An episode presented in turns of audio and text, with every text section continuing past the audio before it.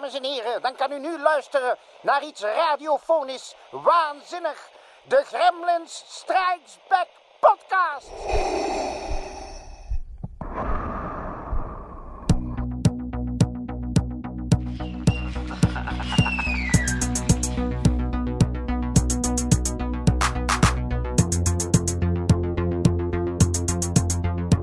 Do you read such a game?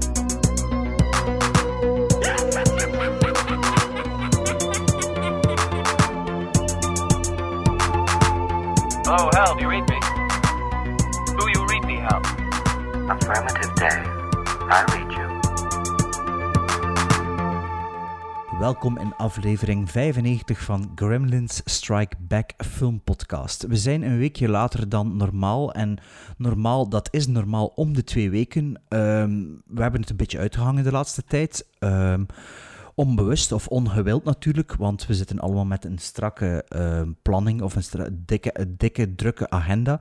Eh, vooral bij, met Sven was het wat moeilijker om u in te plannen, omdat ja, eh, ik werk overdag en Sven heeft elke avond moeten werken, denk ik, de afgelopen weken. Klopt. Ik ben ook een weekje weg geweest, dus ehm, het was wel lastig om het allemaal ingepland te krijgen. Maar eh, in de toekomst ziet het er wat beter uit, Sven, voor eh, de luisteraars, of niet? Op, eh, op werkgebied voor u?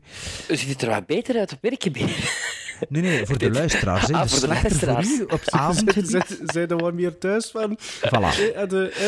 Goh, ehm, het is wel... het Nee. is- nee, niet echt. Ik moet zeggen, ehm, wat dat de laatste paar weken, dan ook met de opnames die misgelopen zijn en zo, gebeurd is, was eigenlijk iets dat Maarten en ik al vreesden in het eerste seizoen. Dat we eigenlijk nooit echt voordien... We hebben het altijd kunnen inplannen, wil ik zeggen. Ja. De- in, ergens in de twee weken hebben we het kunnen inplannen, maar nu de laatste paar weken, ja, ging het niet, hè? Nee, hè? Maar nee. kijk, nee. maar we zijn er nu en de volgende aflevering is ook al ingepland, als Dat ik me klopt. goed herinner. Ja. Tenzij dat er iets veranderd is in onze planning. Eh, maar nee, ik die denk staat niet. nog op 6... Nee, niet 16. 17, 17. dacht ik. Ze- 17 oktober. Ja. Ehm, nog even een kleine mededeling. Ehm, we gaan de, vanaf deze aflevering tot nader orde. Zullen we nog altijd proberen van om de twee weken online te komen. Ehm, je zult misschien merken, of misschien niet merken, dat er ehm, sommige kijkopdrachten, zoals we dat noemen, of huiswerk, dat we er niet aan kunnen voldoen. Ehm, het heeft te maken met een familiale situatie bij mij, eh, die niet 100%, maar 1000% van mijn aandacht vraagt.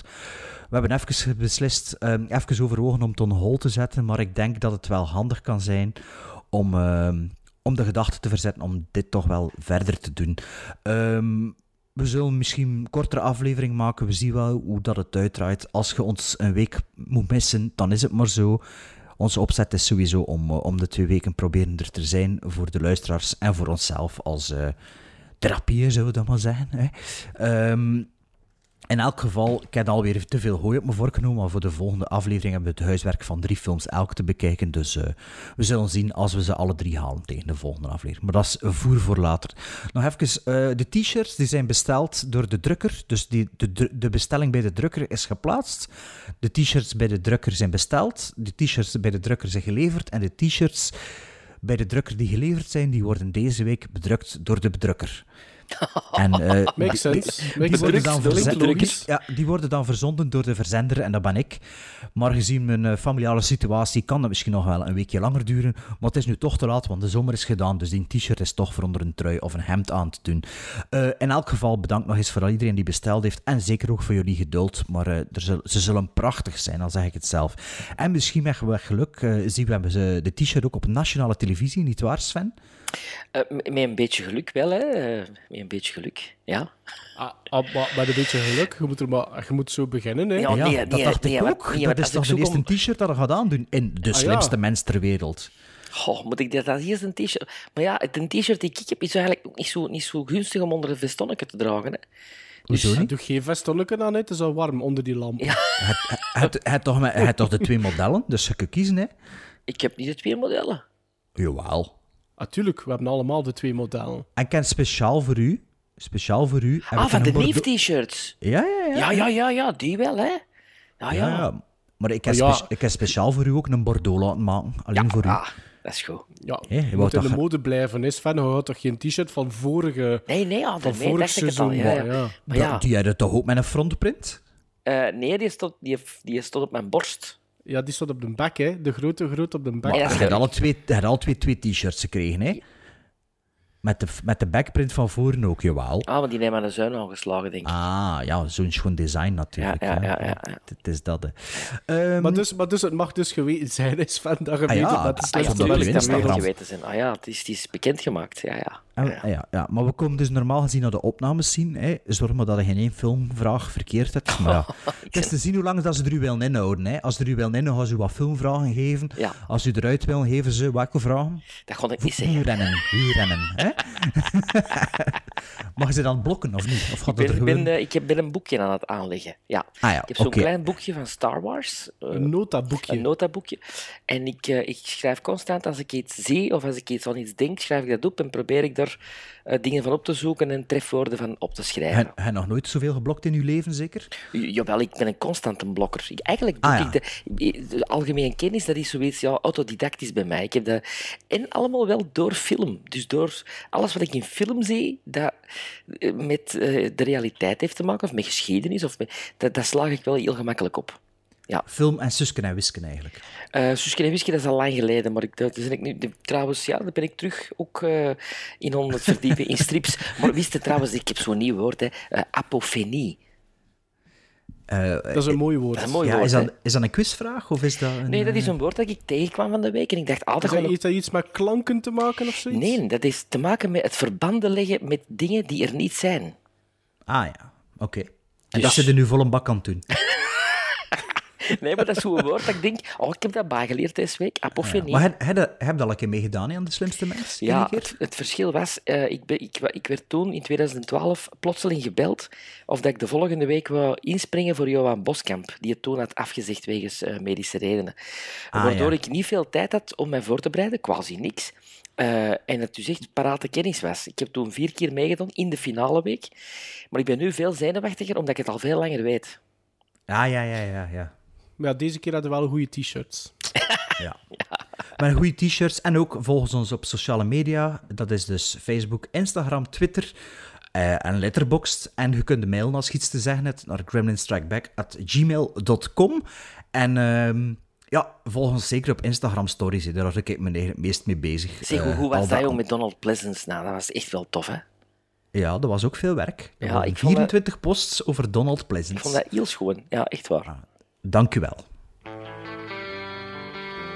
Now I am become death, the destroyer of worlds. I should have expected to find you holding Vader's leash. I recognized your foul stench when I was brought on board. Little surprises around every corner, but nothing dangerous. I don't know where you get your delusions, laser brain. It? Read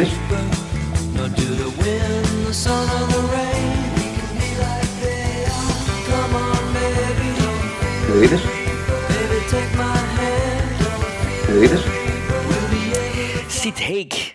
Eh, een naam die waarschijnlijk niet veel mensen iets zal zeggen, tenzij je echt een filmnerd bent en luisteraar van deze podcast. Maar Sid Haig heeft een, een schmoel die je sowieso zult herkennen. Maar Sid Haig is niet meer. Ehm, een character actor eh, uit de horror eh, scene.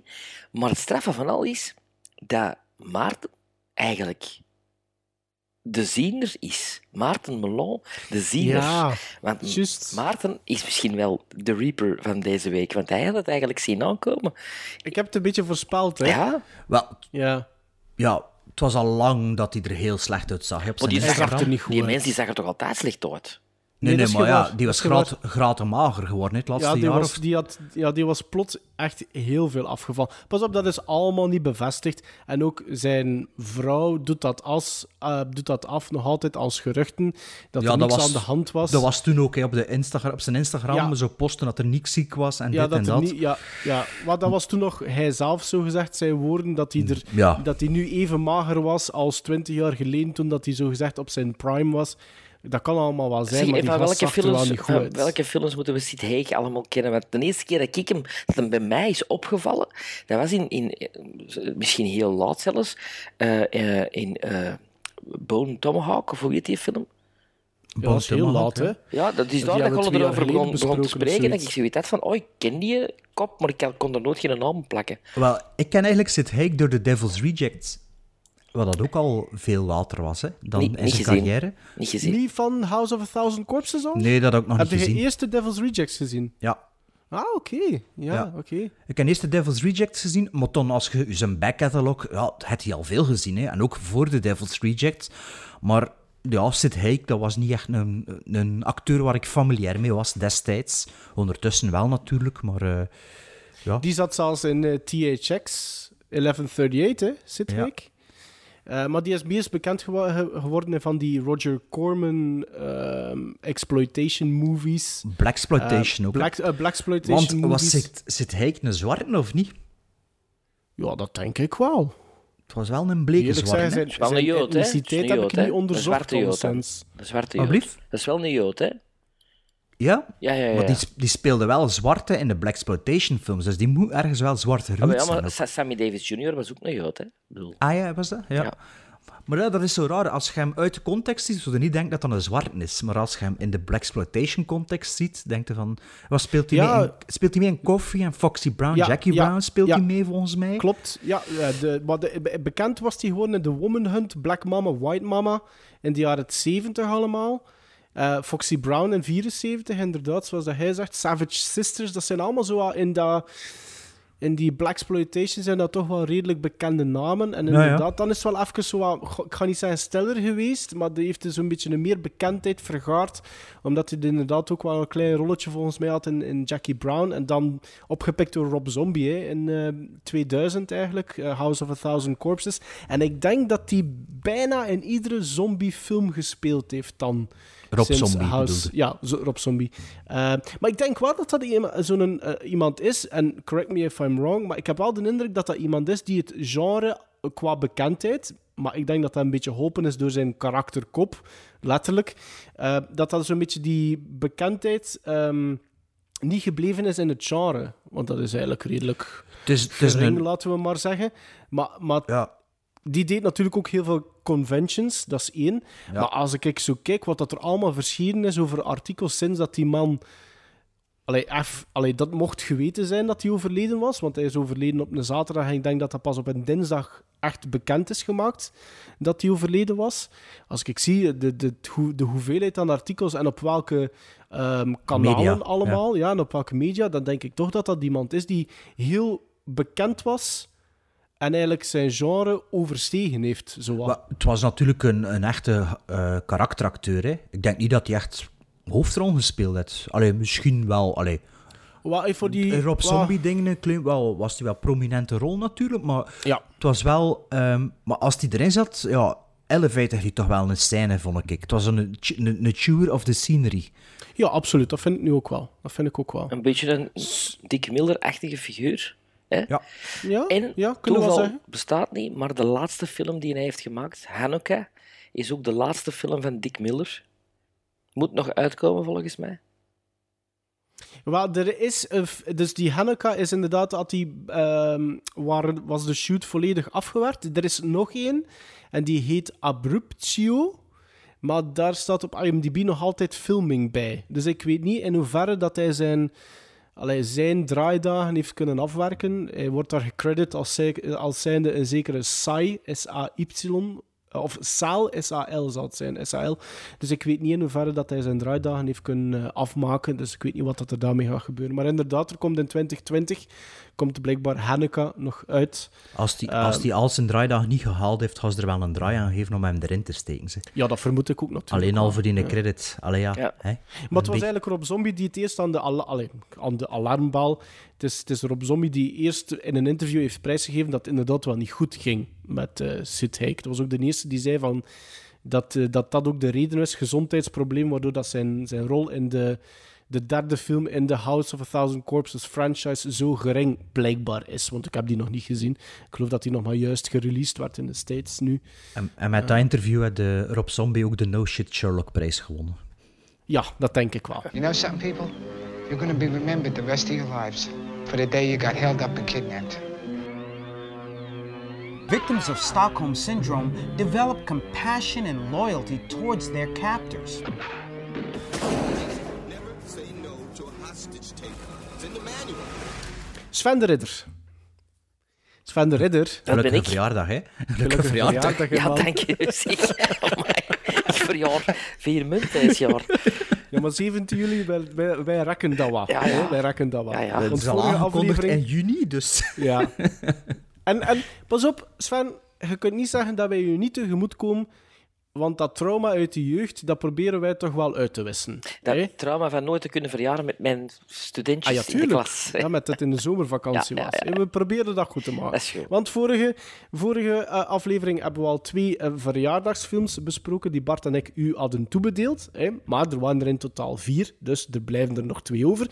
En die gaan we deze aflevering bespreken. Het is eentje uit 2002 en die dat Bart gezegd had. Welk jaar was dat, Bart? 64, als ik me niet vergis. 64. Dus kijk, hé, eh, er is wat eh, eh, tijd, tijd. Ja, er is wat rek tussen.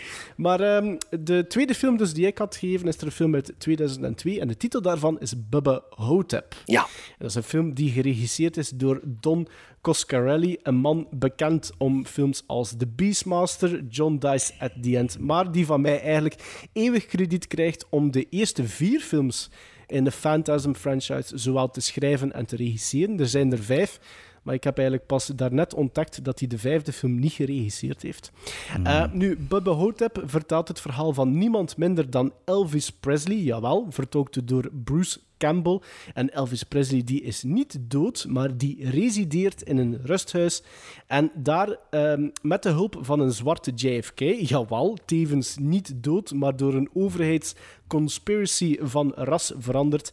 Die twee die trekken ten strijde tegen een Egyptische mummie, belust op de zieltjes van de oudjes die daar wonen. En Coscarelli won de Bram Stoker Award voor de screenplay van die film. En de No En Shit eigenlijk- Sherlock-prijs. En de No Shit Sherlock-prijs genoteerd in een boekje van Sven de Ridder. en die film werd eigenlijk sindsdien nagenoeg... Ja, sinds de release door de, door de community van de horrorliefhebbers eigenlijk met liefdevol omarmd. En ik denk dat dat sinds 2002 niet veranderd is. We zijn nu 2019. Dus ik ben een keer benieuwd, ehm, Sven de Ridder, verjaardagsfilm, wat heb jij van die film? Want die stond al lang op zijn watch- watchlist. Ook. Absoluut, Watch- absoluut. watchlist. Ja, er zijn, zo, er zijn zo een paar films die er al jaren op staan waar ik niet, niet, toe- niet toe kom. En zo, onder andere die in Bubba Hotep eh, stond erop omdat ik er ook een trailer van had gezien. En dat ik dat wel... eh, dat zag er leuk uit. Dat zag er zo'n beetje uit zoals een lange Amazing Stories aflevering. Zo. Ehm, maar ehm, al gauw werd mij duidelijk, eh, na tien minuten, dat het ook wel eens een andere film zou kunnen zijn. Waar ik altijd naar... En dat is die My Name is Bruce. Ah, ook met, ja, met, van, met Bruce Campbell, Campbell, in de ja, hoofdrol. ja. Ja, Ah ja, ja, je bedoelt letterlijk een andere film, niet inhoudelijk. Nee, letterlijk, letterlijk. Maar ik bedoel, Ah. fijn hè, die Boba Hotep stond er ook op, maar ik dacht, tja, ik had heel een tijd Maar die, misschien niet zo lang. die My Name is Bruce in mijn kop, denk ik. Eh, dus Bubba Hotep eh, wordt in het begin, we krijgen twee verklaringen, wat, dat- wat dat Bubba wil zeggen en wat dat Hotep wil zeggen. Vind ik al heel, heel leuk, heel Ja. leuk begin. Ehm, maar ik wist tot- voor de rest totaal niks van die film. Eh, ik wist niet dat het over Elvis ging gaan. Eh, dat, eh, allee, wel dat het iets met Elvis zou te maken hebben, maar ik wist niet dat effectief het personage van Bruce Campbell wel eens de echte Elvis zou kunnen zijn, die er is tussenuit eh, geglipt eh, uit zijn carrière. Ehm, een, een gast die een imitator was, zijn plaats heeft laten innemen en zo een soort van identity switch heeft gedaan om verder te leven in een eh, rusthuis in Texas. Nu, dat op zich vond ik heel origineel, eh ten meer omdat ik dat niet wist dat het daarover ging gaan. Komt er nog eens bij dat er een zwarte JFK zit. Allee, super origineel. Eh, eh, fantastisch begin. Ik denk de eerste kwartier, twintig minuten, ik was ik volledig mee. Eh, En dan begint de, de, het horrorverhaal eigenlijk. Want tot daar, tot dan die, die, die intro, is het eigenlijk meer een, een, een, ja, ook een, een Twilight Zone, Amazing Stories verhaal. Het is een beetje meer backstory ook wel, hè, dan op, tot op dat moment. Zo, Ja. echt, goeie... Allee, met, met, met, eh, met veel vlees aan. Ehm, en dan komt de zombie, met minder vlees aan. Ehm, en dan kreeg ik een beetje zo een house-gevoel. Zo, dat, dat, het was dat soort zombie, zo. House 2 dan. House 2, ja, net ook zo wat cowboy, gunslinger. Eh, maar ik kon niet goed volgen Omdat die had van die kevers bij uit Egypte, maar die zag eruit gelijk een cowboy. Dus die, dat, is- daar was ik niet echt mee. Ja, het was een mix, hè. Ja, omdat het zich in Texas afspeelt dan, eh, waarschijnlijk. Dat wordt Omdat- niet echt... Dat dat wordt Omdat hij niet uitgelegd. omdat hij niet zou opvallen tussen de locals misschien. Ja, oké. Grote suspension of disbelief. Maar eh, Maar ja, het is een wandelende, eh, noemt dat, sphinx. Of eh, een, eh, noemt dat weer? Mummy, mummy. mij, maar verkleed als cowboy. Ja, Ah ja, om niet op te vallen, hè. Ja. De Bubba, hè. locals. Dus Hotep en de Bubba De slaat op. Ja, ja. Ja. Dat, ja. heeft een redneck gegeven, hè. Ja. Maar Snap dan, het, Sven? dan ontaart de film voor mij in een... Ja... pff, niet griezelig genoeg om een horrorfilm te zijn. Niet grappig genoeg om een comedy te zijn. Niet witty genoeg om de eerste 20 minuten verder te zetten en waar te maken. En dan, is het, dan, dan was het voor mij eigenlijk zo wel een, ja, een tegenvaller. Terwijl ik in het Ja? begin dacht van, wauw, nou waar gaat deze naartoe? En dan is het gewoon een, een kat-en-muisspelletje. En, en uiteindelijk gebeurt er niks, niks heel origineel niet meer, vind ik. En het is ook zo rap, Ja. rap afgehandeld. Weinig horror voor mij. ja. Ik is- laat u spreken. Ja, Ja, het is inderdaad raar dat dat onder, onder een horrorfilm valt, hè. Er zijn zo Het is, een, het is een paar mix, hè. Het is een mix, hè. Het is, het is geen, vol, het is geen volbloed horrorfilm, hè. Nee, ik denk nee, dat geen nee. één... Maar ik denk ook dat buiten misschien de, de eerste Phantasm misschien eigenlijk niets wat dat Coscarelli gemaakt heeft aanzien kan en mag worden als een volbloed horrorfilm. Nee, het is, zo wat, het, is zo wat funny. Je hebt zo wat Bruce Campbell, die dan zo wat, je hebt zo de Sam Raimi-invloed ook zo'n beetje. Maar hoe sterk dat het begin is, de eerste 20 minuten qua verhaal en qua... Denk je van, ja, mai, dat is echt goed. En dan laten ze los. Dan is het echt zo... Ja, dan ont, ontspoort dat, vind ik, in, in iets, iets flauw. eh, videotheek, jaren 80, duizend in een dozijn. Zonder dan, vind Ja? ik, heel straffe effecten ook. Of, of ghouly monsters, of... Brr, mm, brr, ja, brr. Ja, het- is, inderdaad een goede premisse, hè. Ehm, Het is een fantastische premise. het begint wat traag, maar ik dat snap is- ook wel wat hij wil zeggen, Sven, dat dat een goede opbouw is. Ehm, wat dat ook direct ziet, is dat het heel low budget gemaakt is. Hè. Absoluut. Er, was, Ja. er was niet veel geld voor die film te maken. Je ziet aan de decors, Ja. je ziet het dan aan de, de setdressing. onbestaand, hè. Ja. Ja. Ehm, iets dat me ook heel hard stoorde. Het was de derde keer dat ik de film gezien heb, trouwens. Ik wist er geen bal mee van. Van mij ook, derde keer. Allee, behalve dat met Elvis was en met JFK en met een Bubba Hotep. Ehm wat me nu enorm opviel en enorm ook stoorde. eh, misschien ook omdat de film gemaakt is in een, eh, in een tijd dat dat zelf tongue-in-cheek bewuste nog niet echt aanwezig was, behalve Bruce Campbell, die dat eigenlijk bijna altijd al gedaan heeft. Ehm, is dus dat het personage van Bruce Campbell zodanig quirky is en dat hij heel de tijd luid opspreekt. En dat is zo lazy screenwriting. Niet heel de tijd, hè. Het is ook een soort van eh, narrative in, in, in his mind. Ja, het is, ook de, het is ook de narrator van de movie, hè. Ja, ja, maar je spreekt heel veel luid op ook als die alleen in de ruimte is. En dat, dat vond ik ook al zo van... brrr. Eh, de humor vond ik ook vaak heel flow. Die twee, met hun er, eh, die twee van het mortuarium die die lijken naar buiten dragen elke Ja. keer. Ah, dat, vind ik Hallo. wel, dat vond ik wel goed. Alleen De eerste, de eerste keer, de Eerste eerste keer, keer, vond ik ja. dat heel flauw. Nee, de eerste keer vond ik dat heel flauw. En dan beterde dat Ik vind iets dat, wel, wat. ik vind dat wel een goede running Ja, of ja, of eh, beter, of ik weet niet. Het was één dat ik wel goed vond. De rest was zo van, kom aan, man. Ehm, het was ook veel meer ehm Genet en Terry Gilliam dan ik me herinnerde, van sfeer en beeldvoering en, en zo wat vibe eigenlijk. Maar ja, ik vond het eigenlijk ook maar een beetje boring eigenlijk. En ja, ik, Ja. inderdaad, ik dacht ook, in mijn herinnering was dat veel meer horror. Dat is oftewel, ja, is dat wat ik ervan gemaakt heb? Of omdat ik de vorige twee keer niet met een kritisch of een bewust oog gekeken heb en dat ik het gewoon over me laten komen? Of omdat de legacy van de filmen op dat moment nog niet echt bekend was? Maar nu is dat wel zo, ja, dat is toch wel, als je Don Coscarelli zegt, is dat toch wel een van de drie, vier films die vernoemd worden. Hey, Beastmaster en Phantasm en Tom John Dies at the End. Ik weet niet of, wat het er allemaal gedaan heeft, maar dat zijn de films Niet dat ik dan... aan- Hij- heeft ook heeft Beastmaster eigenlijk niet 2 veel en Beastmaster hè. 3 geschreven. Ah ja. Trouwens, eh, de Phantasm 1 was die maar 22, 23, 24 jaar volgens mij. Dat is een superjonge regisseur, hè. Dus Ik heb onlangs eh, ehm, een aflevering van hem gehoord op eh The Movies That Made Me. Ja. Een heel interessante gast ook, met, met, met Mhm. heel, eh, heel... Hele brede kennis ja, ook? Ja, absoluut. En een heel goede keuze van films ook.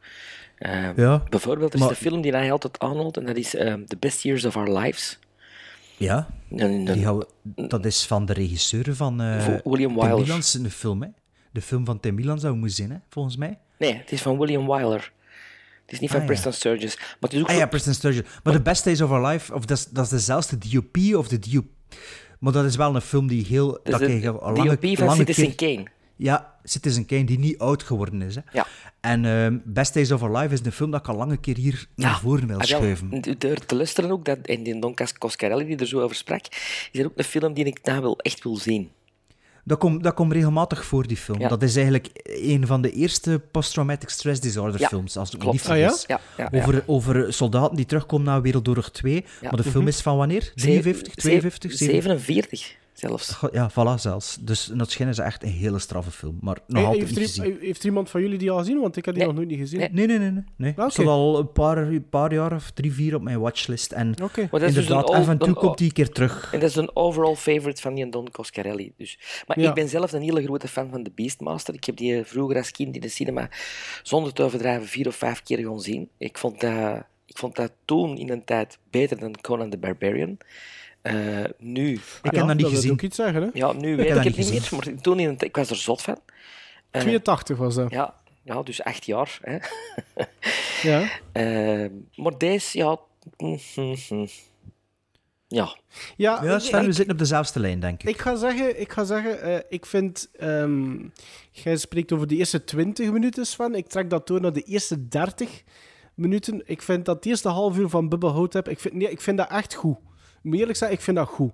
Ik vind dat, ehm, ik vind dat grappig. Ik vind dat er daar een rotvaart in zit. Eh, het, het enige probleem is dat eigenlijk het beste van de film zo wat in dat eerste half uur zit. Het is, is zo gecondenseerd, omdat je de backstory eh, onmiddellijk eh, te weten komt van Elvis Presley. Je komt eh, de backstory te weten van JFK, trouwens vertolkt door Ossie Davis. Maar Bart had het al laten vallen dat dat de laatste rol was van Ossie Davis in een andere aflevering. Ehm, maar die, dat eerste half uur gaat met zo'n rotvaart vooruit. En het is precies dat die film to a screeching halt bijna komt na dat eerste half uur. Het Hetgeen held, dat het held was op. ja, hetgeen dat daarna komt, gaat zo... Het is niet traag, maar... het gaat nergens naartoe. Maar het, het, het, het, fixt hem, het, het fixeert hem enkel op, op wat dat er dan gebeurt met die Egyptian mummy die daar plots ten tonele verschijnt. hè, Eigenlijk en was dat zelfs is. niet nodig voor er een goede film van te maken. Nee. Het was voor dat- die verhaallijn, hè. Nee, Ja, ik wil maar- verder weten wat er... oh, Ik wil, ik wil dat verhaal van die Elvis en die JFK zien. ik Wat vraag ze me moesten gedaan hebben, dus die twee personages, laat die daar rondlopen in dat, in dat, eh, in dat bejaardentehuis en maakte een soort film noir van dat ze iets anders moeten onderzoeken. Hè, de verdacht overlijden van een, van een bewoner of zoiets. Maar ja, niet... maar ik, ik, ik moet eerlijk zeggen, ik ben wel iets positiever ingesteld dan jullie. Hè. Ik vind niet dat wat dat er volgt, dat dat slecht is. Ik vind niet dat dat saai is. Ik vind gewoon dat het probleem is dat dat eerste half uur gaat met zo'n rotvaart vooruit, dat het heel moeilijk is om daarna niet zoiets te hebben van wauw. Je voelt gewoon te hard die clash tussen act 1 en zowel act 2 als act 3. En inderdaad, wat dat Sven een beetje hebt, vind ik ook van. Het wordt wel redelijk snel plots afgehandeld allemaal. Maar ik vind dat die personages op zich wel werken. En ik vind dat die personages op zich voldoende zijn om de de runtime ook ehm, te garanderen dat je die uitkijkt zonder probleem. Ik vind hoe dat, dat begint met Bruce Campbell, Elvis Presley, die meer bezig is met zijn gezwel op zijn mannelijk lid dan iets anders dat er in dat rusthuis, ja, in dat rusthuis aan het gebeuren is. Ik vind dat... Ik vind dat ik vind dat, dat, is, dat, is, dat is witty. Ik vind dat wel redelijk goed gedaan. Ehm, maar, ja, ik zeg het, het, het is een beetje... Ja, je voelt precies van, dat was het dat was, Ja, na dat ik heb eerste het gevoel dat dat een aflevering is van iets anders geweest. Eerst van Tales of the Crypt of Maar nu Twilight. vraag ik mij af En dat dat dan dat daarna dat- een film is geworden. Maar nu vraag ik mij af of dat dan niet eigenlijk gebaseerd was op iets. Op een comic. Ja, ik dacht dat dat op een comic... want er is ook heel lang een sequel in the works. Dat, allee, dat staat nog altijd op IMDb als announced, zo gezegd. Maar dat is denk ik al sinds het, de release van Bubba Hotep. Maar ja, er als het een- announced is, kan het op announced blijven staan, hè? Ja, tuurlijk. Maar ja, dus blijkbaar zou eh, Elvis Presley het nog tegen vampieren hebben in een sequel ook. eh, ten strijde trekken tegen vampieren in een sequel. Maar ja, pas op, met Bruce Campbell kan dat plots er wel staan. Dat kan. Plots Dat kan, ja, dat, ja, tuurlijk. tuurlijk Komt trouwens een nieuwe Evil Dead geproduced door Bruce Campbell. Door Bruce Campbell, ja, Ja. inderdaad. Zeg Sven, wat zit je daar aan het drinken? Is dat ginger beer? Nee, dat is- Jamaican in eh, of Jamaica? eh? Oh, Cola Light. Oh, oké. Nee, nee, maar ja, dus een Coca-Cola, beetje op. als je meeluistert. Hè. Maar nee, maar ik vond... Ik, en ik moet eerlijk zeggen, ik ben eigenlijk wel redelijk fan van die Don Coscarelli. Die al zijn films... eh, eh, dat is gewoon eerlijk... Er is geen één Coscarelli-film die geen fouten heeft. En soms zitten er redelijk wat fouten in. Maar die hoort voor mij zo'n beetje bij het kleine klikje van regisseurs die... Inderdaad, zoals dat Bart zei, heel jong begonnen is. Maar zo, die eerste film die, die een, een labor of love is geweest. Je hebt Sam Raimi inderdaad met The Evil Dead. Je hebt Don Coscarelli met de eerste Phantasm. Maar je kunt dat ook bijvoorbeeld doortrekken naar David Lynch, die met Eraserhead ook weekend na weekend na weekend over een tijdspanne van een jaar of zoiets geprobeerd heeft van zijn eerste film eh, in te blikken. En Coscarelli hoort daar ook een beetje bij. Dat zijn van die labors of love. En uiteindelijk wat dat hij gerealiseerd heeft met de, de, met de Phantasm franchise, voor daar in godsnaam vijf films uit te poeren, Allee, die krijgt bij mij daardoor wel wat krediet. ja, Ehm, ik, ik moet nu ook wel zeggen dat ik Phantasm, ik vind dat cool. Ja. En er zitten daar scènes in die echt straf zijn, maar over het algemeen vind ik dat ook wel een beetje saai eigenlijk. Die dromerige nog sfeer. altijd, dat moet- zo ja, ik moet nog altijd de vijfde film zien, maar ik zei Is die... dat Avenger of... Eh, Ravager. Ravager? Ja, maar die is van een jaar of zes geleden of zo, hè? Eh, ja, die is redelijk eh, recent dan, tussen aanhalingstekens, ja. Die Ja. is, die, ja. Er zat er wel wat tijd tussen, tussen 4 en 5 alleszins. Ehm maar ik, ja, ik weet het niet. Ik vond Bubba Hotep, vind ik, op bepaalde levels wel werken. Alleen, zoals ik al zei, haalt hij nooit het niveau van dat eerste half uur. En dat is voor mij de grootste zonde ehm, van de film. Maar ik vermoed dat mijn score dat ook wel zal eh, reflecten. ik denk dat hij iets hoger zal liggen dan jullie gizmos. Maar we gaan beginnen met Sven. Hè. Verjaardagsfilm nummer 1. wat blijkbaar een knallend succes was. drie. Ja, Ja. van deze aflevering. Ja, wel 4,5. Oeh, gebuist. Of wat? Ja. Bart, Eh, zes gizmos. Ah, ik geef dat ook nog altijd een dikke 6. Ja. Oh ja, dus we zitten eigenlijk op hetzelfde van quotering. Ik moet wel zeggen, het is geleden van begin juli dat ik hem gezien heb, dus ik had niet veel opgeschreven, dus eh, het is misschien ook alweer wat vergeten. Maar dat, wa- wat ik zei was wel een beetje de overall herinnering dat ik eraan heb. Ja.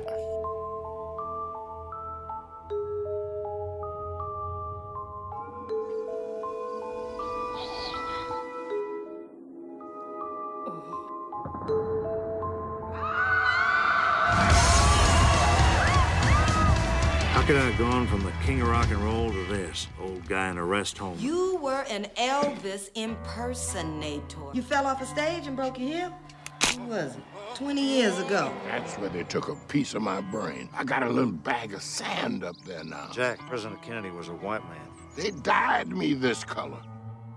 What we have here at Shady Rest is an Egyptian soul sucker of some sort. Some kind of Bubba Hotep. You know, a mummy hiding out, feeding on the sleeping.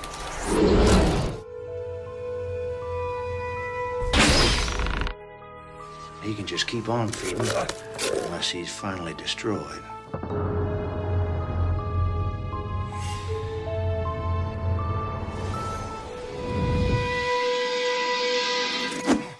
Let's go.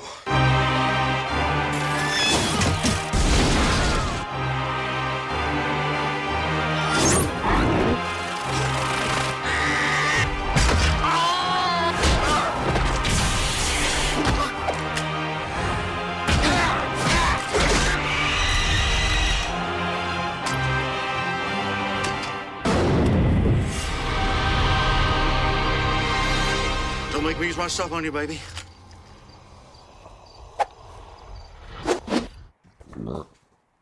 Doctor Strangelove or How I Learned to Stop Worrying and Love the Bomb. Van 1964, van mijn favoriete regisseur aller tijden, of toch een van de...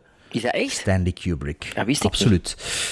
Ehm, een film van 95 minuten lang, die Sven nog niet gezien had en die misschien niet even lang op zijn wa- to-watchlist staat als ehm Dingeskus, dat we juist over hadden, Bubba Hotep. Die stond zelfs Maar niet op mijn to-watchlist. Va voilà, zeg, Bubba Hotep eigenlijk ook niet. Maar ja, waarvan, waarvan ik dacht, ja, dat, dat moet niet alleen Sven de Ridder, niet alleen Mark Melo en Sven de Ridder, niet alleen wij drie, maar iedereen moet die film gezien hebben. Want Dr. Strangelove is heel lange tijd mijn go-to top 3 geweest. Dat was, eh ja, was zijn nu drie favoriete films aller tijden. Dat was altijd The Big Lebowski, Dr. Strangelove en Vertigo. Oké.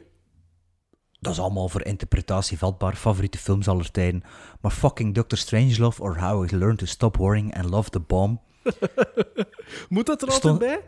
Ja, dat is de naam van de film, hè. Ja, maar is kun je toch niet gewoon wel... een keer zeggen, Dr. Strangelove gewoon? Ah nee, hè, want het is Dr. Strangelove or How I Learned to, learn, learn to Stop Worrying and Love the Bomb.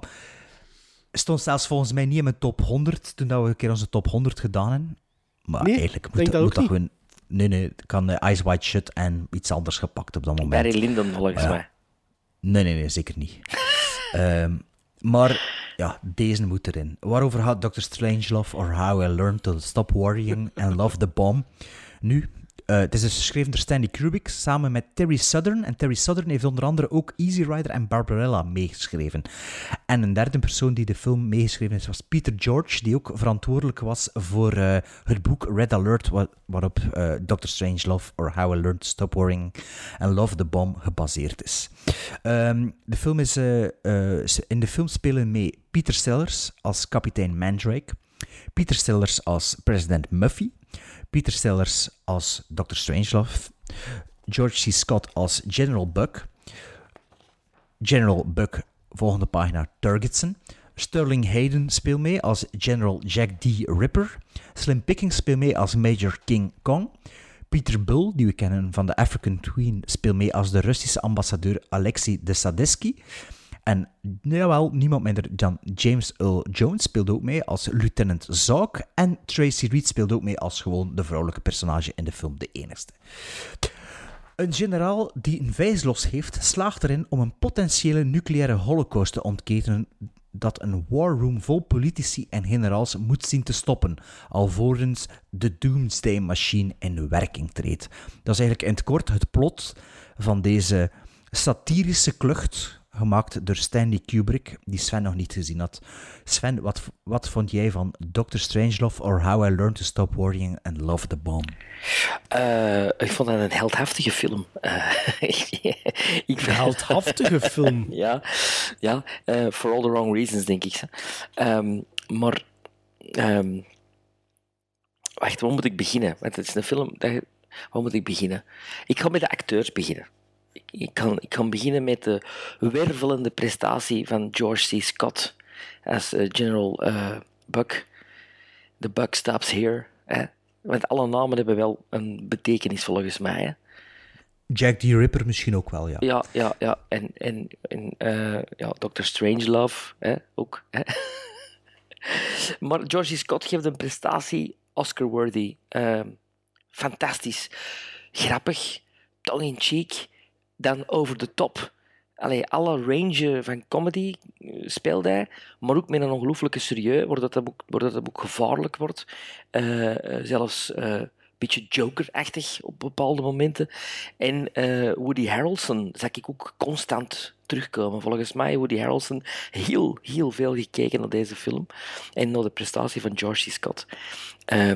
Dus dat op zich was voor mij al fantastisch, hoe dat hij dat speelt. Hij, voor, voor mij steelt hij ook elke scène waar dat hem in zit. Zelfs van Peter Sellers. Ehm, en Peter Sellers vind ik een geweldige acteur. Versatile. Bold statement. Versatile, ongelooflijk. Maar het probleem hier is, waarom moet die, die drie rollen spelen? En je zit, ik zit heel een tijd te zien door, amai, dat is goed gedaan van Peter Sellers.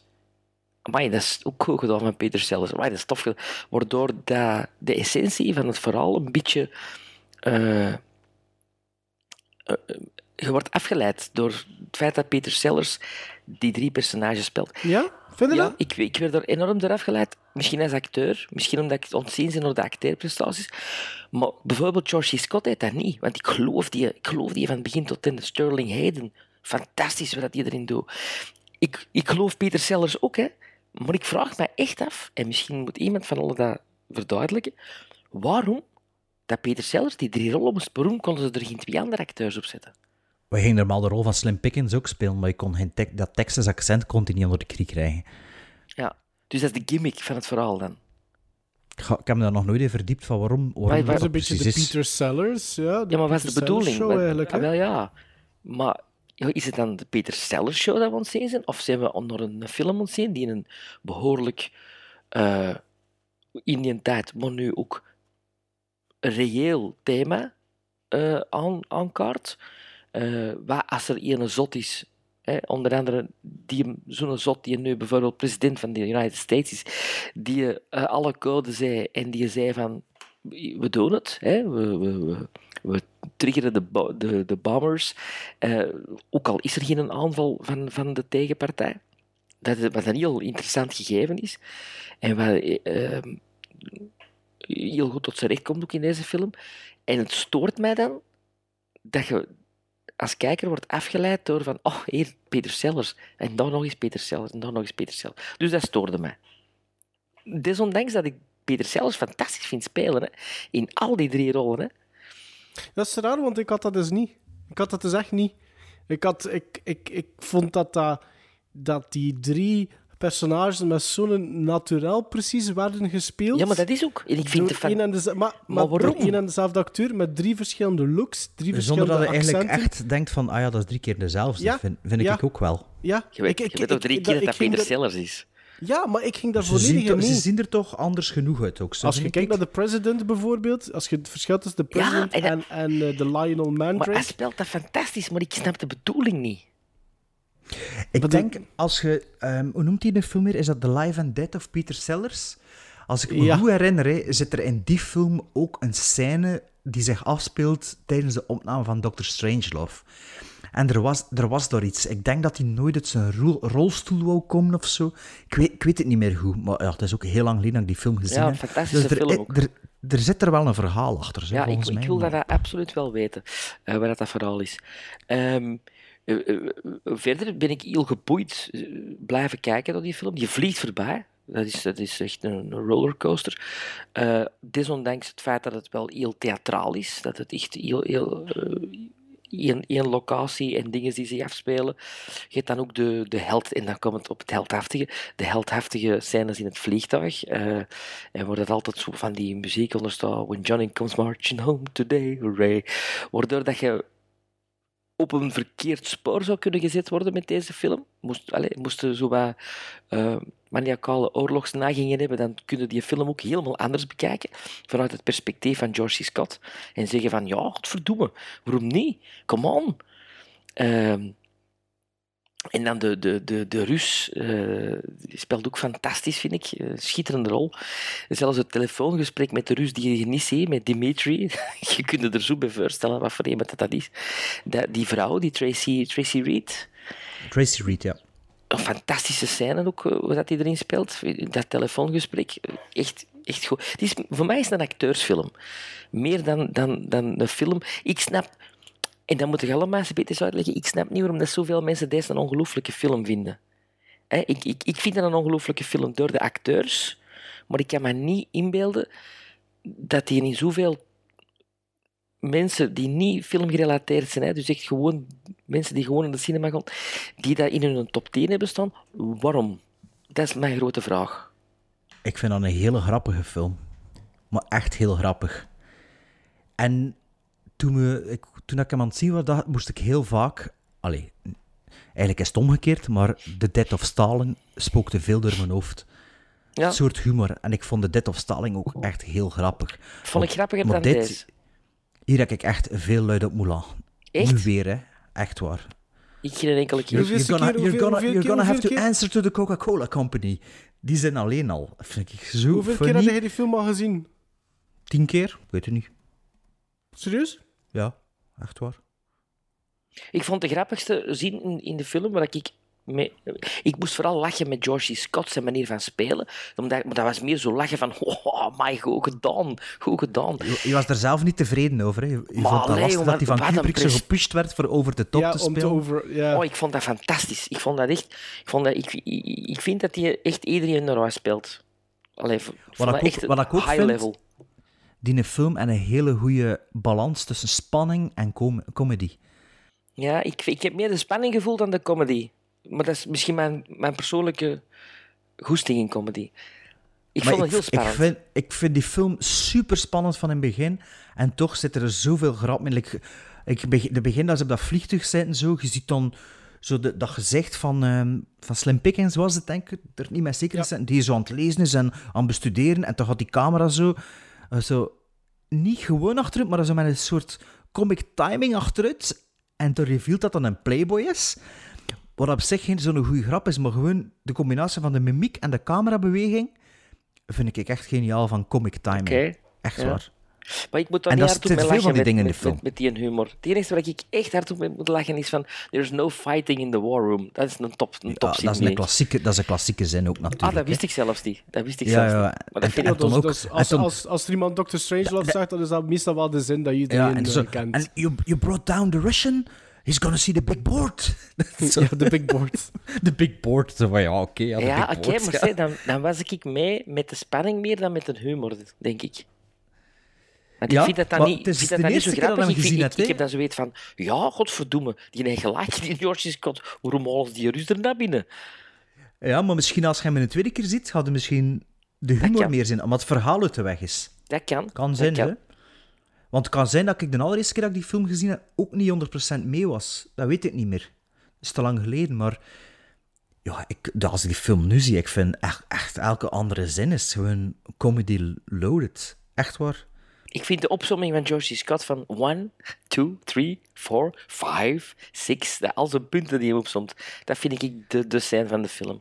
Dat hem zijn betoog. Ja, En, en, ik, en ik had gedacht dat ik Peter Sellers in deze film... Maar het is George. Scott die mij super verrast heeft. Maar we zeggen ook wel dat Peter Sellers super speelt in elke rol. Ja, Peter Sellers is, dat is, dat is gewoon een genie. Dat is, dat is, dat is ongelooflijk. Maar ik wil echt weten wat het de meerwaarde is. In het, in, in, pas op, hè. me niet verkeerd. Hè. De meerwaarde is natuurlijk dat Peter Sellers drie keer fantastisch speelt. Maar de meerwaarde in het groter geheel van het verhaal, waarom dat, dat door dezelfde acteur moet gespeeld worden. Wie zijn Ja. beslissing is dat geweest en waarom? Het was Stanley Kubrick, er was er maar één die beslissing Ja. nam. Hè. Nee, nee het kan als je- als- Peter Sellers zei, ik doe dat alleen als ik die drie Maar nee, rollen want- mag spelen. Hè. Ja, nee, want als je dat van Bart hoort dat hij er al eigenlijk vier had oorspronkelijk moeten doen, dan denk ik dat dat eerder, eerder ook in handen van Kubrick lag. Ja. We zullen het uitzoeken, we zullen het uitzoeken. Maar Maarten, wat vond jij eigenlijk van eh, Dr. Strange Ja, maar of How was- I Learned to Stop Worrying? And Love Heb jij die nooit al gezien? Ja. Ja, ik ben blij dat Bart eh, de titel nog eens, eens eh, voor de duidelijkheid gezegd heeft. Het was de tweede keer. Het was de tweede keer dat ik de film zag en de eerste keer was lang geleden. Ik denk dat dat ondertussen een jaar of acht. Nee, het zal meer zijn. Het zal meer zijn. Ehm, nee, het zal meer zijn. Ik denk zelfs dat het pakt 15 jaar geleden moet geweest zijn. Want ik studeerde toen. Ik was bezig met mijn hogere studies. En dat moet ooit iemand geweest zijn toen die, die ook bezig was met films of zo. Ah, dat die film al gezien en dat ik die wel een keer dan gaan huren was in de videotheek. Ehm, dus dit was de tweede keer, long overdue. Maar ik, ik was bepaalde aspecten van die film vergeten. En ik was eigenlijk vooral... Ik had een verkeerde perceptie van de toon van de film overgehouden. Of dat was de- Er was zo'n bepaalde dinges die blijven hangen was. En dat klopte niet helemaal. Want dat eerste half uur, voor mij, ehm, was vooral het verhaal uit de doeken doen. En was voor mij eerder drama-suspense. In uw herinnering. Nee, nu de tweede keer. Ah ja, nu de Voor tweede mij. keer, ja. Ehm, dus dat eerste half uur was zo meer zo, ja, ehm, dit is de setting, dit zijn de personages, dit is wat dat er aan het gebeuren is. En dan vond ik dat eh, de, de, het, het absurdisme en de humor gestaag werd opgebouwd.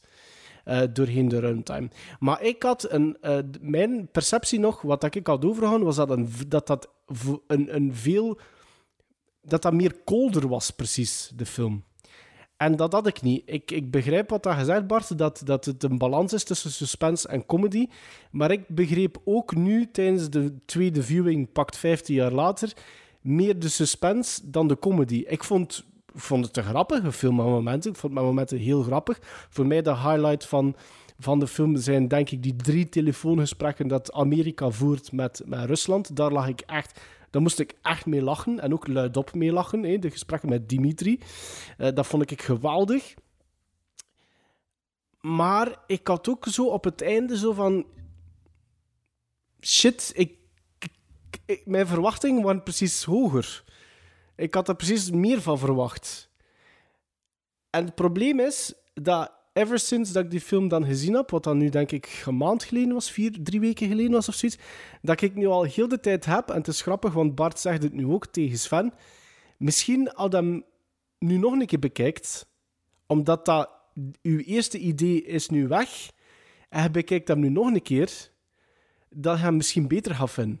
En ik vind dat een goede film, hè. don't get me wrong, echt waar. Ik vind dat een goede film. Maar ik speel nu ook iedere keer met dat idee, moest ik die nu drie dagen later nog een keer bekeken hebben, dan denk ik van dat ik de, de humor ook veel meer zou weten te appreciëren hebben. Maar dat is, toch, dat, is toch geen film die van, van een eerste moment zo'n cultklassiek is geworden, hè? Ah, dat weet ik niet. Nee, dat denk dat ik denk, niet. Dat denk ik niet. Is dat wel een cultclassic? Dat hoorde toch ik... dikwijls in lijstjes voorkomen. Zo van, maar, dat, maar ik kan me niet voorstellen, op het moment zelf dat hij is uitgekomen, dat, dat de mensen die een omarmd hebben, die film. Dat denk ik ook niet. Ik denk dat dat veel te donker was ook. Dus dat is op, la ja, op, later, op latere termijn. Hè, met het, het is eigenlijk een, een, een uh, hoe heet onze vriend? Onze uh, Frankenheimer. Het is de Frankenheimer-film, achtig, hè? Ja, ja, ja, natuurlijk. Ja, ja. ja, want, want allee, als je zegt de op, op oorlogsbeluste George C. Scott, ah, wel, Burt Lancaster, mm -hmm. allee, ja, mm -hmm. ja. bedoel, er zijn wel iets wat raaklijnen dat je ertussen kunt trekken. Hè. Um, ik weet het niet. Ik vond, ik, ik, ik denk oprecht dat dat een film is die beter wordt naarmate het aantal viewings. En ik denk dat deze viewing eigenlijk terug voor mij ongeveer neerkwam op een eerste viewing omdat het gewoon te lang geleden was. Ja, ja. Um, en ik, het is, ik zei het, ik vind het grappig dat Bart het juist zei tegen van misschien moest als je hem nu nog een keer zag, en ik, ik speelde echt met, die, met dat idee van, waarom probeer je hem nu in de komende week of zoiets niet nog een keer te bekijken? Ja, dat snap ik wel. Uh, ja. Maar ik heb dat, ja, ik heb dat niet gedaan. Um, maar ik vond, en, ik vond het echt suspensevol, maar ik moet wel eerlijk zeggen, um, wat ik vooral had, ik had het niet zozeer voor de vliegtuigscènes. Ah, oké. Okay. Zo op het einde wel. Maar ik was zo gefascineerd in van die... Ik, ik vond alles wat dat er in die war room gebeurde... Maar ik ben ook zo iemand die wel... En ik weet dat Kubrick dat zeker kan. Omdat er ook een, veel, een veelvoud is aan personages in die war room. Ik denk, blijf daar. Weet je, blijf daar. Ik vind dat hier zo fantastisch wat dat hier aan het gebeuren is. En inderdaad, met die George C. Scott en die snedigheid tussen hem en de president. En maar dat de president natuurlijk... Nee, sorry, zeg maar. Nee, doe maar, doe maar, doe maar. Doe maar. maar hij had ook nog de derde set, hè, de, ja, de militaire basis. Hè. Het is wat Dun ja, Dunkirk, ja. hè. hij heeft ook zo drie settings. Hè. Ja. ja, ja, ja, dat is waar. Dat is waar. Um, ik, ik moet wel zeggen, ik vind de, ik vind de vliegtuigscène, als ze ze overloopt, maar dat ze allemaal mee moeten hebben in hun, in hun uh, parachute-outfit of in een rugzak en zo, dat vind ik ook, ook een supergoeie scène. En ja. ook super grappig. Ik moet wel zeggen, dat is een van mijn enige negatieve dingen dat ik genoteerd heb. Uh, de laatste 25 waren iets minder dan ik me herinnerde. Ietske, niet veel, hè? Maar ik ja. dacht van, ja, tja, en daar zit inderdaad misschien wel te veel op het vliegtuig nog. Ja. Of hadden te veel op het vliegtuig terug. Maar ja, want op, op een gegeven moment gaat het even wel te lang weg uit in een war room. En dat vond ik inderdaad wel wat spijtig. En een andere, is misschien wel een klein detail, maar ik vind voor een, een, een titel van een film waarvan dat de eerste twee woordjes Dr. Strangelove is, had ik wel nog liever meer Dr. Strangelove gehad in de film. Ik vond dat die rol eigenlijk relatief beperkt was ten opzichte maar ja, van het is de... ook niet Dr. Strangelove, het is Dr. Strange, Strangelove or How I Learned to Stop Worrying and Love the Bomb. Ja, die voorzetten dat ik hier altijd geef. Ja, maar, ja, ik vond, maar ik op wie slaagt het dan? Or How I Learned to Stop Worrying and Love the Bomb. Op wie slaagt dat dan? denk op iedereen die in de situatie zit, zeker. Ik weet het niet. Ik heb er geen diep filosofische uh, ik artikel vind, dat over gelezen. veel, ik vind dat jij veel achterliggende vragen stelt, Sven, over deze film. Ja. Zo van, wat was de betekenis? Ja, maar omdat dat zo'n film is die je toch door, door filmsnops ook zo... Hè, dan denk ik van, hebben, hebben die er dan allemaal een uitleg voor? Waar ik, al die vragen waar ik mee zit. Ja, ja, misschien wel, misschien niet. En moet ik me aangesproken voelen op de filmsnop of niet? Maar ik vraag het maar, hè. Want hij vraagt het aan mij en ik kan er niet op antwoorden. Ik, ik, Ja, nee, bottom dus, hè. line voor mij is... Maar wacht, wacht, wacht. Ah, sorry. Nee, nee dan dus, hè. Oh nee, maar dan- ik denk dat de Nee, filmstop vragen? er dan wel een antwoord op zou weten. Ah ja, oké. Oké, ça va. Ik Maar- vind maar- voor mij de bottom line is, eh, eh, ik vind dat een goede film. Echt waar, geen afbreuk aan de film. En ik denk eerlijk gezegd dat ik hem, als ik nu niet nog een keer 15 jaar wacht, dat mijn rating ook gaat stijgen. Ja, Ja, ik dus hoop get van een- back to us then. aan een Blu-ray te vinden met een making-of en met diepte-analyse, want dan, dan, dan wil ik hem wel hebben. Ja, en wat, eh, wat hadden nu... eh, ge- wat, dat bestaat trouwens, hè. dat is een Criterion release Ah, van. voilà. van eh, ja. Dus eh, Sven, wat had het dan voor nu gekwoteerd? 7,5. Ik krak het zelf, de 7,5. Spijtig, 9,5 hier. 9,5? Serieus, 9,5? Absoluut. Ik heb u nog nooit een film zo hoog weten rijden. In vier jaar. Tja, maar nooit over zo'n goede films ook, hè. Dus ja. Nee, nog nooit. Maar hey, even serieus, al wat we juist gezegd hebben. 7,5, 7,5 en 9,5. Ja, dat is goed, hè? Dus dat is een goede film, hè. Ja, ja. Natuurlijk, dat is Maar een goede film. En ik denk echt... Ja, maar ik denk echt... Als ik die film nog een keer had bekeken, zat ik aan een 8. Maar ja, dan had Sven nog altijd roet in het eten gestrooid. hè. Dat niet van... Maar ik denk wel... Er zit, er zit, dat is een seal of approval, denk ik Er wel. zit meer in, Maar, misschien. maar ik ga niet... Maar ik, ga, ik, ik wou het ook geen acht geven, gewoon van dan, dan eventueel naar seal of approval te gaan. Maar ik voel wel dat dat een seal of approval film is. Maar dat moet nog wat groeien bij mij. Ja, maar ik wil eigenlijk niet zeggen ehm The Invisible Man en eh Boba Hotep versus For a Fistful of Dollars en eh Dr. Strangelove or How I Learned to Stop Worrying and Love the Bomb. Laat ons eerlijk Sven, zeggen dat ik met, wel- met, uw welke pakjes, host met uw pakjes was ik blijer. van de filmsnop eigenlijk? Ja. Is goed. hey, hey, Fistful of Dollars, 8, 8,5, hè? Ik heb van de week For a Few Dollars More herbekeken. Minder dan eh For a Fistful of Dollars. Ik Serieus? dacht, ja, ik vond dat een beetje minder. Ja, ik had dat, niet- ik had dat, in mijn herinnering was dat niet zo. Maar kijk, de eerste is beter dan de tweede, maar niet beter dan de derde. The Good, The Bad and The Ugly.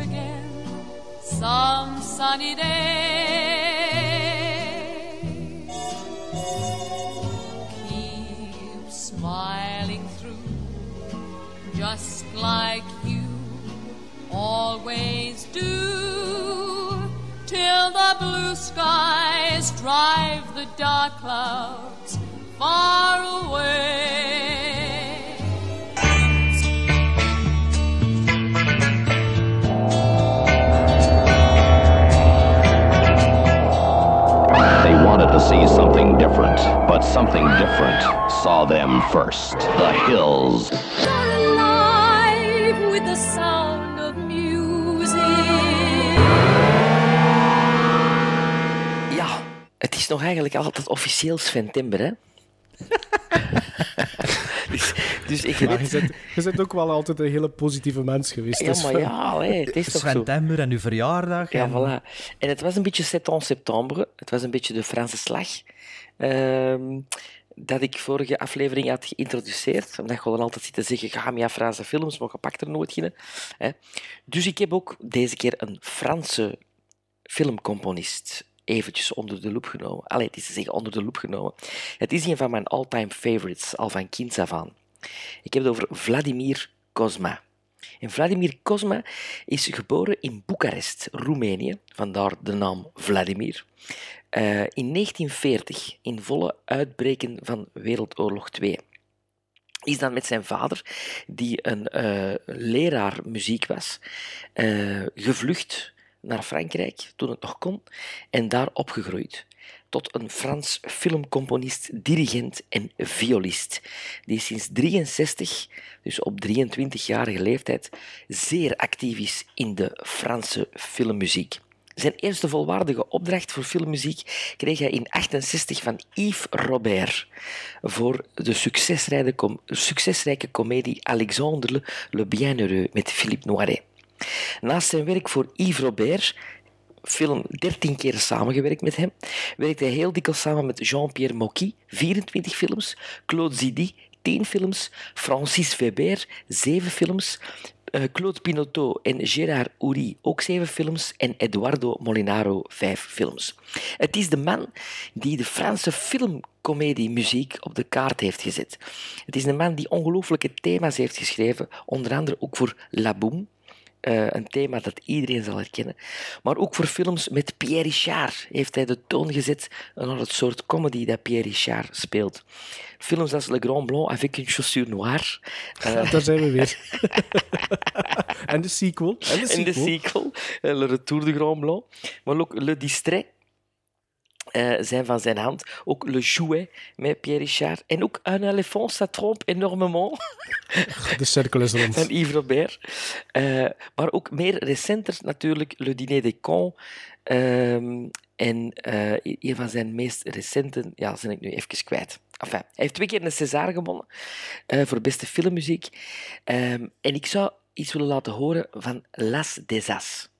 Een film met Jean-Paul Belmondo, uh, een van mijn all-time favorites als ik kind was in de cinema. Ook een paar keer in de cinema gaan zien. En het is een thema, als je dat opzet en je zit in de auto ja, je wordt er direct zo'n beetje goed gezien van en je, je waant u echt las des as, de aas der azen.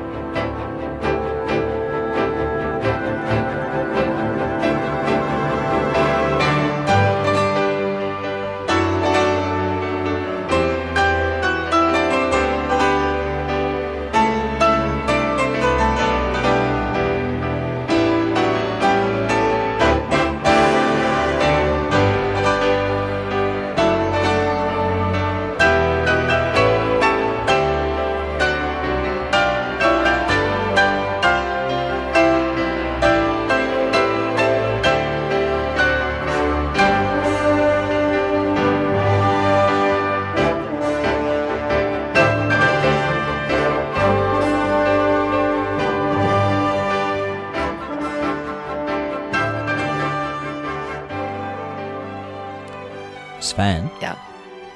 Kijk je nog altijd veel Franse films eigenlijk? Ja. Wanneer is... Ah ja, oké, ik ging zeggen wanneer is dat gestopt, maar... En waarom wilde je dan niet naar die film kijken dat Maarten en ik u twee jaar geleden gegeven hebben? Amélie Poulain. Ja? Ja. Ja. Het is zo, het is zo zot Ja. van Franse films. Ja. Ja. Maar ik ben En zot van... Amélie- Ja, ik- ja. Ik ben wel zot van dan- Franse films uit een bepaalde periode, heb ik door. Zo. Ja, maar maar ja. Amélie Poulain is redelijk nostalgisch. Redelijk retro. Redelijk retro. Oké.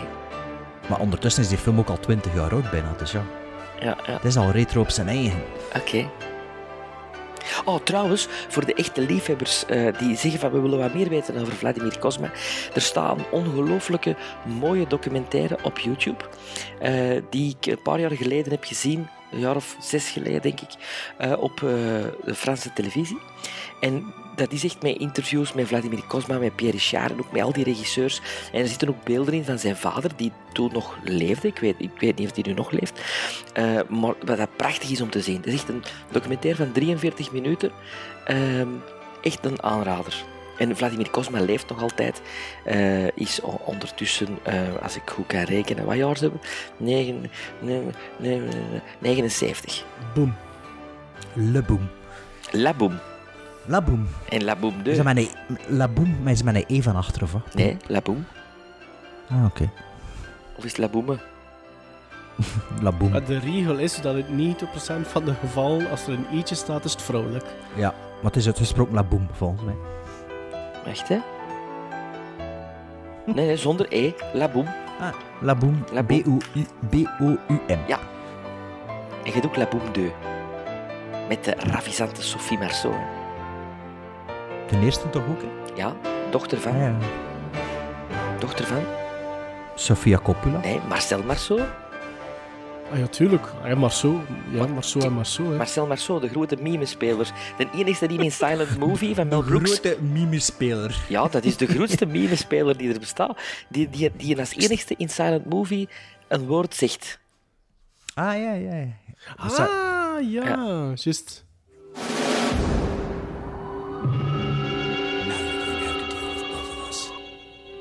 Long term therapy, together with short term anxiety or sleep medications, offer Stockholm Syndrome sufferers an excellent chance to recover and resume a normal, healthy life. Gremlins Strike Back. We gaan nu naar eh C'est en septembre, Sven Timber, eh, de eerste Franse film die... Sventambre. Sventambre. Sventambre. De film die ik aan jullie gegeven heb. eh, het ging dus over twee films eh, met Alain Delon. Ehm, maar als ik het goed begrijp, gaan we deze aflevering één eh, film doen die ik gegeven heb. En het Ja, ik, ik, ik, door familiaal reden ben ik niet aan meer dan één, één Ja, film geraakt. Dus dat is dus een nieuwe stijl voorlopig, Ja, beste luisteraars. Ik heb het over de film Le Samouraï. Een film uit 67, een Franse misdaadfilm onder een regie van Jean-Pierre Melville. Jean-Pierre Melville heeft drie keer samengewerkt met Alain Delon. Is een klein beetje niet de ontdekker van Alain Delon, maar wel degene die Alain Delon op de kaart heeft gezet als zijnde een acteur ehm, die in de jaren 60 doorbrak, maar die eigenlijk het idioom had van een acteur uit de jaren 30, 40 uit Hollywood. Eh, een beetje meer Bogart, eh, dat, dat, dat, dat hem lief was, denk ik. Maar Alain Delon heeft dus met die eh, Jean-Pierre Melville Le Samouraï als eerste samenwerking gedaan. Eh, daarna Le Cercle Rouge.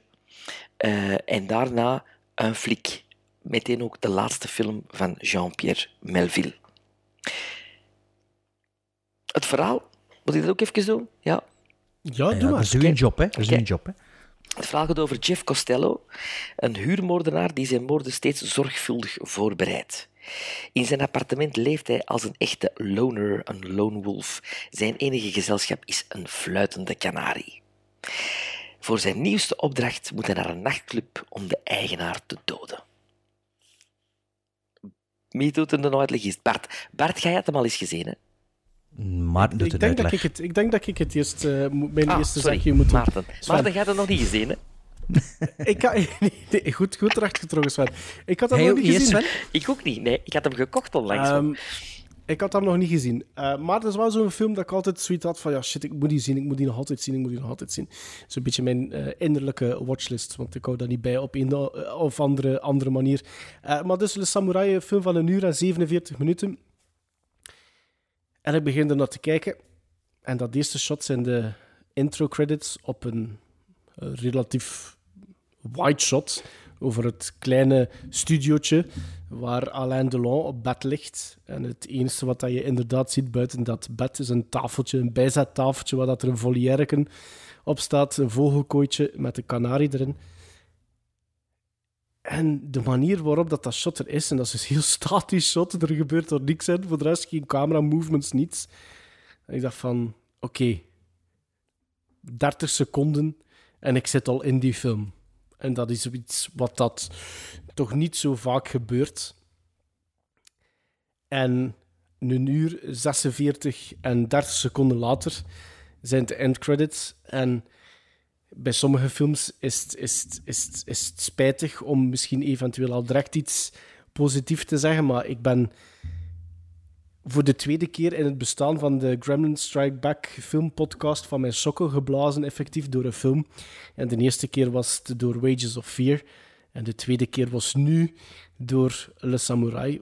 Dat ik, ik vond dat weergaloos. Ik heb daarvan genoten dat geen naam heeft. Ik, ik, ik, Alain Delon is in die film... Wat een charisma heeft die vent voor een film waar dat hij misschien 30 zinnen in heeft. Want spreken doet hij eh, amper in Le Samurai.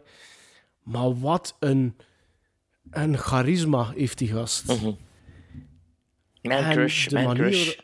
ja, de manier waarop dat die film is opgebouwd. Ik vind het script ook zo goed van Le Samurai. Want als kijker kun je niks anders dan je gewoon laten meeglijden, omdat er dingen gebeuren waar je gewoon geen voorkennis van hebt. Dus je begint met dat ene shot, dan plots, zoals dat Sven het zegt, moet hij naar een, een nightclub gaan, waar dat hij iemand ombrengt, en dan alles wat daar daarna gebeurt, heb je zoiets van: oké, je kunt niks anders doen. Het heeft geen nut van te voorspellen wat dat er gaat gebeuren, want je kunt niet anders doen dan je gewoon laten leiden door het scenario en door de regie.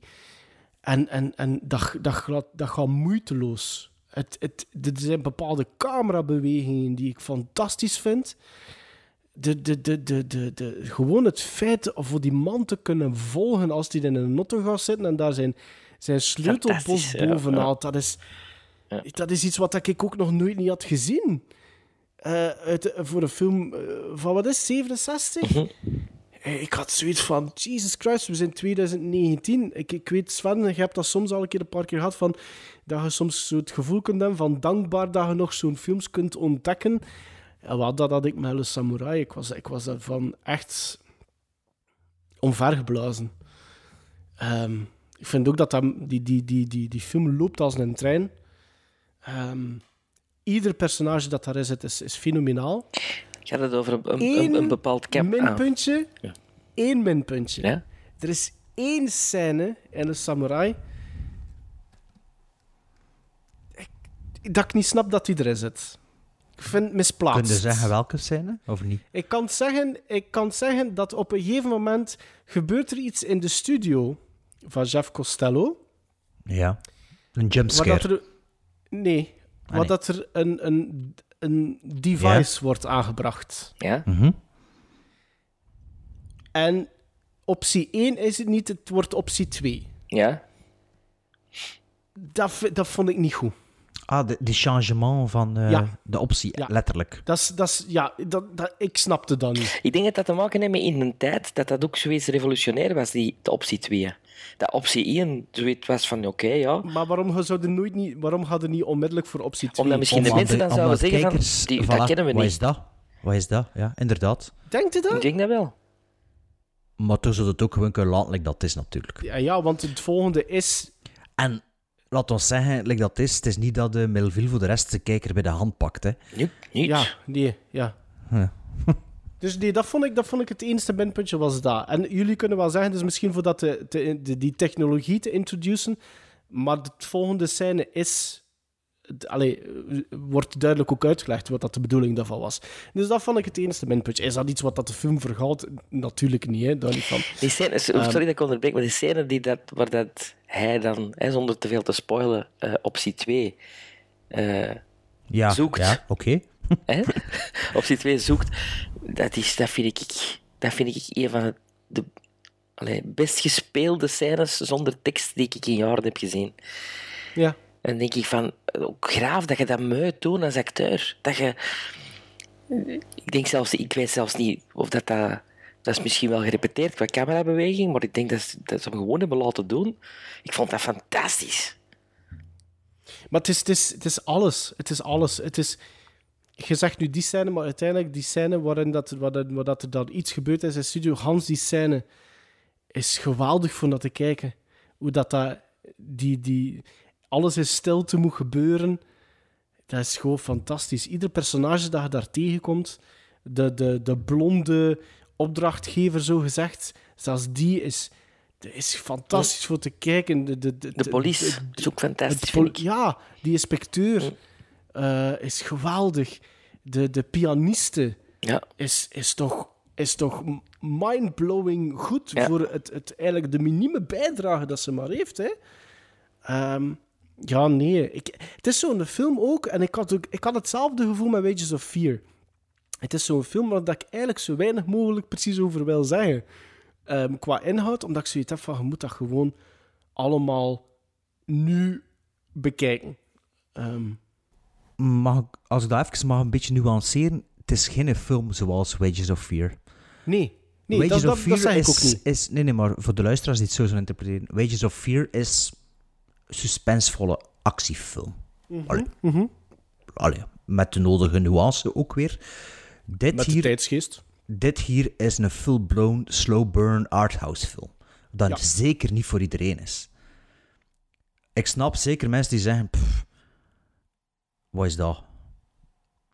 Maar is het... Is het het is, het is, ik snap dat het een arthouse film is, maar voelt het continu aan als een in-your-face arthouse film? Ik vind dat niet. Ik vind, ik vind van wel. Ik vind dat niet. Ik, Ik, vind dat non, ik vond dat niet echt. Ik vind dat Ik- het is- de meest Amerikaanse Franse film die ik in tijden heb gezien. Ja, je ziet veel Franse films zeker. hè. Ja, het doet toch heel Amerikaans aan. Je voelt toch zo de Van invloeden van Brian De Palma en van, en van Coppola. Eh, daar, Yo, ja, dat is omgekeerd. Ah, hè. wel, ah, wel, in hun latere films. Maar- In hun latere films. Waar dat er nog meer invloed op is, volgens mij, is Jim Jarmusch en Nicholas Refn Winding. Hè. Ja, Van- maar ik vind toch meer de mannen van de jaren 70 hè, van Amerika. Mm, ja, Ik vind Michael Mann, als je dan eh, het- het adjectief ziet bijvoorbeeld, daar zit, vind ik, eh, Brian De Palma. Oeh, als je vindt je dat? Ja, ja de, de slow-paced manier van... Ik vind dat meer rififi. Ja, dat Tief. zou ik ook eerder zeggen. Dat heb ik niet gezien. Mhm. Maar, Maar Bart, ehm, ja, de, vertaal verder. het is de, ik denk dat de derde keer was dat ik Le Samurai gezien heb. Eh dat was ook zo'n film van, ja, moet dat zien, moet dat zien destijds, moet dat zien, moet dat zien.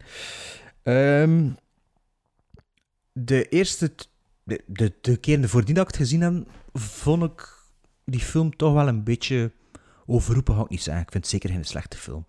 Ehm, maar toch zo van, tja, ik weet het niet. Ik kan er wel wat meer van verwacht. Ik had er meer, ja, minder... eh, saai is het niet, maar het is traag. Hè. Er wordt niet veel gezegd. Het is... Dat is juist. Je moet het ondergaan, de film. Nu, met die derde visie, wist ik waar ik me aan kon verwachten. En ik denk ook dat ik Le Samurai gezien heb nadat ik eh, Army in the Shadows gezien heb van Melville. Dus ik denk dat ook Le Samurai me op dat gebied ook een beetje verraste van, ah, oké, het is zo'n soort film meer. Ehm, maar ja, de film begon en inderdaad, de openingsshot is zo gestileerd. En zo'n schoon shot. En je zit er altijd te zien. En ik zat er altijd te kijken. Dacht, was dat nu een zwart-wit film? Ja, toch, hè? Of niet? Is dat Ja, kleur ja, dat ik ja, zie? Ja, ik snap het, ik snap het. Is, dat, is dat kleur of niet? En toen, wacht, er beweegt doorheen. Ja, dat is toch geen grijs, hè? Dat is, dat is beige, maar beige zie je niet in zwart-wit, hè? En dat was zo, gedurende dat lang shot, dacht ik van, ja... En toen begint die film en zitten met dat andere super gestileerd element van die sleutelbos, die inderdaad zo schoon is. Oh. De manier waarop dat hij uit zijn zak haalt en dat hij dat daar legt. En later in de film gebeurt dat in een meer vloeiendere actie en zien die sleutels er exact hetzelfde Ja. uit. Ja, Hoe dat ze dat gedaan op- hebben, ik ken er geen idee van. Als ze die, is- als die tupjes verzwaart, dan die zo vallen, ik weet het niet, maar het ziet er Er fantastisch zijn uit. een blik die op vooruit blijft staren, die je zelfs niet zien op die sleutels. Ja. En, ja, en het contrast met de tweede keer dat dat gebeurt, dat die klooster in beeld is genomen. En ja, dat is filmtaal. Hè. Dat, is, ja, dat is de Ja. emoties van de acteur, de emoties van het personage bedoel ik. En het, en het kleur ook op dat moment van de stoel, hè? Op, op En- van die red velvet precies, dat ja, die dat filmstudie tot in een kist, hè, die film. Je kunt er van alles over zeggen. Het is zeker en vast ook een betere kijkervaring geweest dan de eerste twee keren. Maar toch had ik mijn moment zoiets van... goh, kom, klein beetje, klein beetje sneller alsjeblieft. Of Altijd iets- dat gevoel, echt, ja? Ja. Ik had dat dus nooit niet gehad. En ik dacht dat Sven dat ging afzetten na 20 minuten. Wat dat duidelijk het geval niet is, merk ik nu al. Eh, ik ben ook grote, grote, grote fan van Ghost Dog, Way of the Samurai. Ja. Wat, wat bijna eigenlijk een remake is van deze film. Als je de beats van het verhaal vergelijkt met elkaar, het is quasi hetzelfde.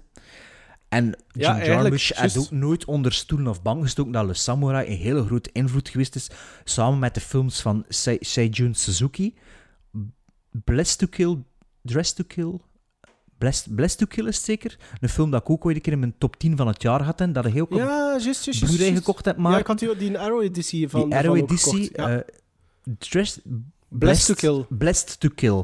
Van de Japanse regisseur eh, Seijun Suzuki. Die ook een hele grote invloed is op Jim Jarmusch en op Ghost Dog, The Way of the Samurai. En dat vond ik dan persoonlijk boeiender, omdat er daar meer in gebeurt en waar je ook niet weet wat gaat er nu gebeuren. Maar, en die ook redelijk Amerikaans aanvoelt. Amerikaanse ook Branded dat- to Kill. Branded to Kill, ja. Ik, ik weet dat ik altijd die film, de titel vergeet. Maar ja, die film is inderdaad super goed geacteerd.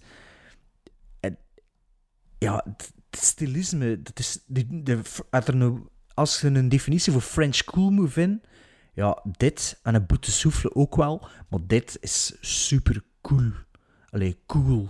Ja. Amerikaans cool op zijn Frans. Het enige dat ontbreekt zijn nog meer rokerige ruimtes.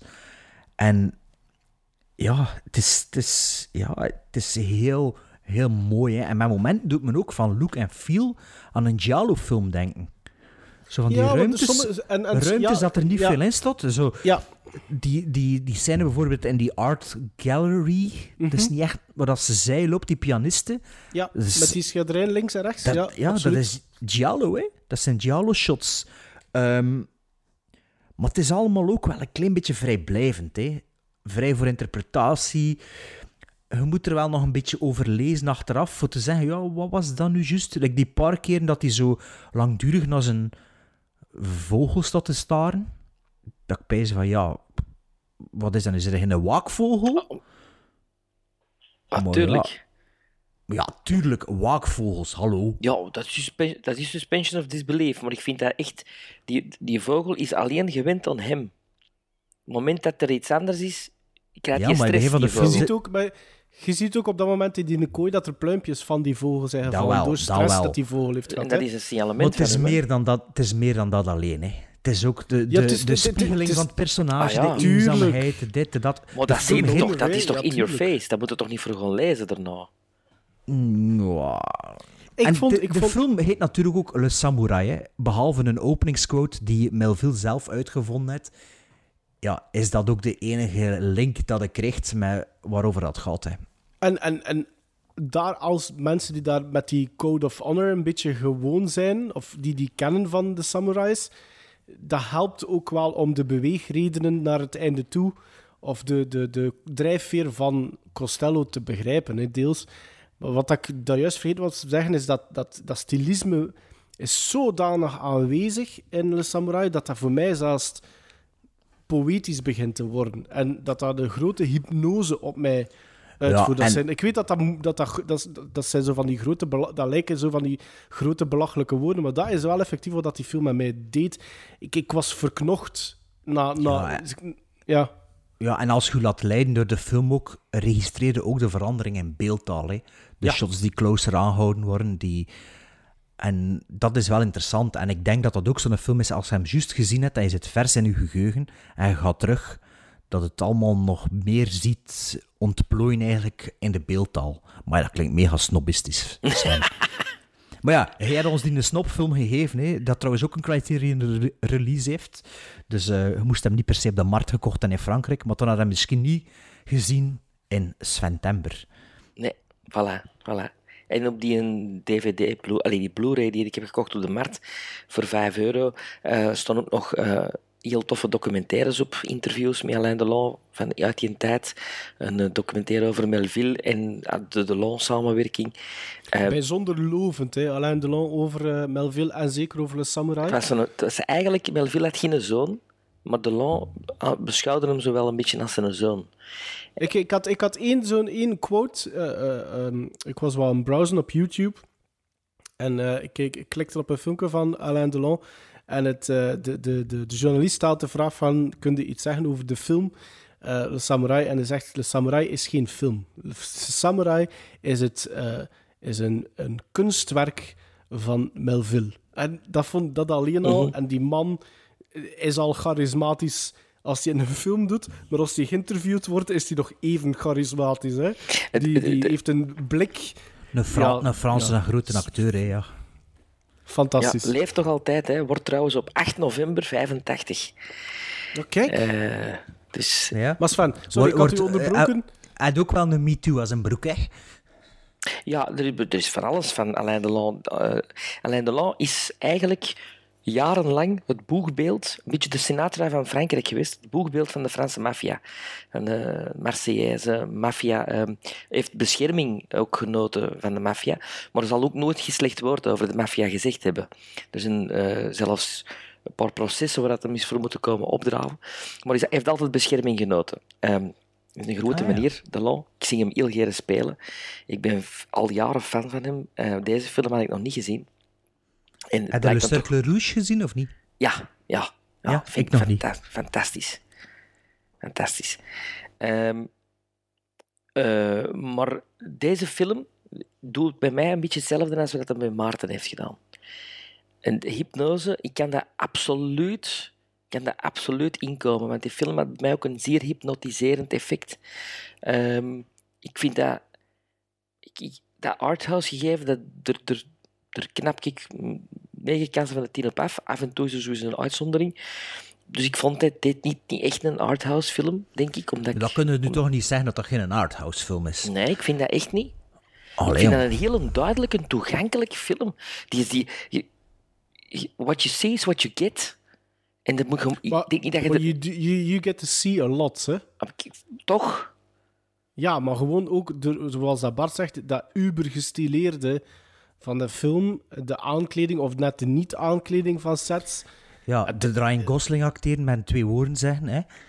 Ja, sorry, ik vind Alain Delon honderd keer beter dan Ryan Gosling. Ik wist dat hij dat ging zeggen, Ja. maar dat, dat is ook een betere acteur. Maar bedoel, wat, herkent toch de, de, de, de vergelijkenissen tussen een drive en dit in vibe? Nee, echt niet. Maarten, Dat, dat want je zit weer niets te zeggen. verwacht. Nee, nee, Ja. ik, ik, heb, ik heb er juist een heel zegje gedaan. Hè. Ik was eigenlijk gewoon benieuwd wat dat Sven ging zeggen. Maar Maar ja, ik, ik, ik, herkende ik, dat wat ik zeg? Ja, tuurlijk. tuurlijk. Ah, oké. Ik begrijp ook wat dat hij zegt. Dat, uh, Want ik, weet niet dat Kenny Vermeulen die film nu gaat gaan kopen. Te zien te zeggen, kom aan, dat is toch wel een arthouse film. Kenny Vermeulen, kijk Nee, maar. dat is maar- geen, is- sorry, ik vind dat geen arthouse film. Nee, ik denk dat dat misschien een arthouse film is geworden daarna door filmsnops, maar op het moment dat dat is gemokt en uitgebracht, is dat geen arthouse film. Ik kan dat... Nee, nee, absoluut. Ik vind dat niet. Allee, dat is mijn mening. Hè. Eh, dat vogeltje, dat is zo overduidelijk. Dat is zo'n eh, eh, pion in verschillende scènes. Dat, dat, allee, wie dat dan niet verstaat, wat dat, dat vogeltje wil zeggen of wat dat de bedoeling ervan is, ja, sorry, maar dan, allee, dan dat, is, dat is zo duidelijk. Maar het is meer dan dat, hè, en dat is, het is van, meer ja, dan dat, maar het is toch in moet- face. Je moet er toch niet over nadenken over die film. Die film is toch geen film van, oeh, daar moeten we nu eens een analyse over maken. Dat vind ik Wel, wat is zijn motivatie? Wat is zijn motivatie voor de laatste, laatste act van, van de film? Wat is zijn motivatie? Zijn motivatie is dat hem van in het begin, de eerste keer dat hem... Ja, nee, dan ga ik te veel verraaien. Want da- daar, daar kunnen honderd interpretaties aan geven. Hè? Ik, ik, ik, vind, ik, vind, ik vind, voor mij was het allemaal redelijk duidelijk hoe wel dat het onuitgesproken is. ja, Want maar dat heb daarmee ik- kan dat vind iedereen ik- zijn eigen ik- interpretatie eraan geven, toch? Ah, wel, maar ik, ben, ik denk dat ik de Le Samurai volledig door heb tot dat laatste. En ik denk dat ik ben daar nog altijd over aan het malen wat het juist is. Want ik denk, zoals dat Bart zegt, ik denk dat daar heel veel theorieën, ik denk dat je daar heel wat wegen mee kunt inslaan. En daar ben ik, ik, dat geef ik eerlijk toe, ik ben er nog niet 100% van overtuigd wat dat voor mij in mijn hoofd is. Maar een samurai... Ja, maar wat zit er hier allemaal te zeggen? Zwijg ik hier? Ja, maar... Niet alles weg ja, maar- mee. Ja, maar nu zijn we inderdaad te veel aan het Oké, maar ik bedoel, dat is volgens mij hetgeen wat het einde is. Ja, maar het is meer dan dat, hè? Mhm. Het is veel meer dat dan is, dat. het, dat is het juist. En dat, dat- is ook het toffe. Dat is het toffe aan die film. Je kunt daar, dat zijn van die films, dat je nog uren en dagen en misschien zelfs de weken over zit in je hoofd zitten en over zit na te denken. En dat is, dat gebeurt niet super vaak. Nee, dat is waar. Dat is waar.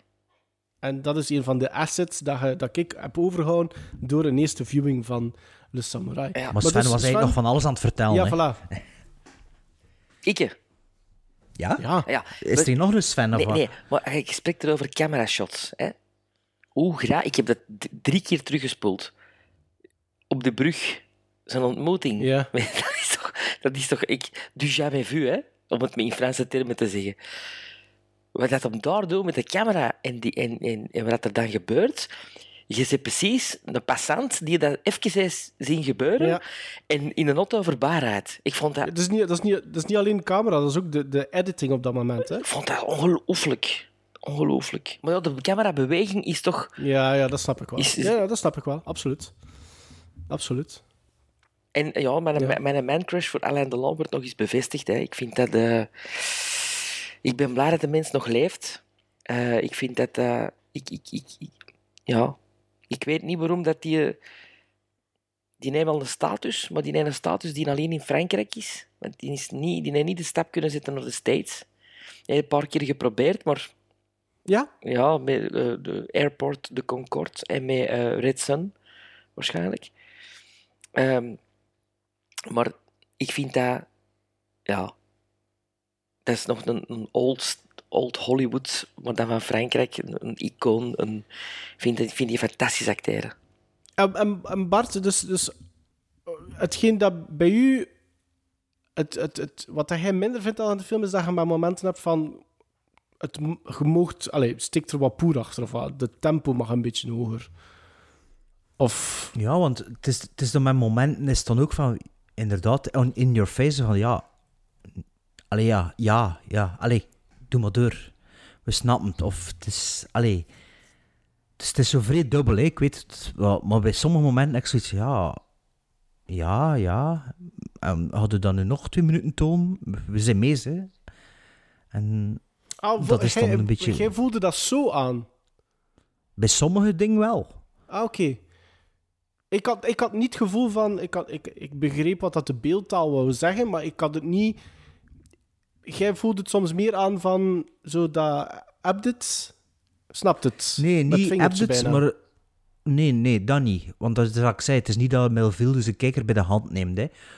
Maar dat ik zoiets van, ja, ik heb het nu wel gezien, die scène. Allee, hop, volgende, dan Ah weer. ja, oké, oké, oké. Ja, meer zo. Ja, ja, oké. Ik snap het. Ja. De manier ook waarop dat die, ehm, die eh, pianiste, hè, dat trouwens een fotomodel was, niet echt een actrice was, waarop dat die zit piano te spelen, dat is toch, die, die haar een blik ook, dat is toch fantastisch, dat is toch Ja. zo ontwapenend. Ik moet zeggen, de eerste allee, keer dat ik die film zag, vond ik dat echt een superschone vrouw. Nu vond ik het wel wat minder. Mijn smaak is misschien veranderd. Ah, ik vind dat een super, super schone vrouw. Amai. Ik vind dat echt, eh, ik ben direct gaan opzoeken wie, vaag hoe. Eh, en Nathalie Delon, trouwens, eh, zijn, eh, Is dat zijn vrouw? Dat is zijn Ja, vrouw. En ze hebben een dochter die ook Nathalie Delon heet. Ehm, op het moment van de opnames was dat dus zijn vrouw. Die heeft daarna nog maar een paar films gemaakt, is van hem gescheiden, maar heeft wel een van de grootste Franse hits aller tijden geschreven. I've Seen That Face Before van Grace Jones. Dat in Oh, verschillende films is gebruikt geweest. Zij heeft dat, dat nummer, die track geschreven. Oké, oké, oké. Dat wat een wistje datje was me datje. Dat is wel het een en het ander, hè? Allee, Sven, ben ik toch benieuwd. Oh, waar moet ik als eerste gaan? Oeh. Nee, nee, ik dacht dat je, dat je nog van alles ging vertellen over de film. Eh, je- wat moet ik erover dan? Ik, ik, ik, ik, eigenlijk wat dat Maarten net zei, is hetgeen dat ik had. En, en ik, ik schrok heel hard toen Maarten begon. Want ik had zoiets van, ja, dat is, dat is hetgeen dat ik ook voelde. Eh, die eerste tien minuten ging een dialoog. De laatste keer dat ik dat gezien heb, was bij Wally, denk ik. Maar ik vond, dat- vond, dat, vond dat heel goed werken, heel goed marcheren. Je zit er direct in, in die film. En die heeft me niet losgelaten tot het einde. Hm. Ja, dan gaan we maar over naar de gizmos zeker dan, niet? Ja. Sven, of wie begint? Ja. Moet ik beginnen? Zal ik beginnen? Hè? Oh ja, dat is ook goed. Negen. Ja, kijk, ik geef dat ook een 9. Bij mij is dat een halve gizmo naar boven gegaan, de laatste 45 minuten. Omdat ik dat dan toch wel een tempo begon te vinden in de film dat toch meer bij mijn meug was. Dus ik ben afgeklopt op 7 gizmos. Ja. Tjoe toch. Weer geen slechte film nogthans, hè? Beste Nee, luisteraars. Ik, moet, ik, ik, ik moet- op het einde dacht ik, op het einde, ik dacht eerlijk gezegd wel op het einde van, we hebben hem. We hebben hem.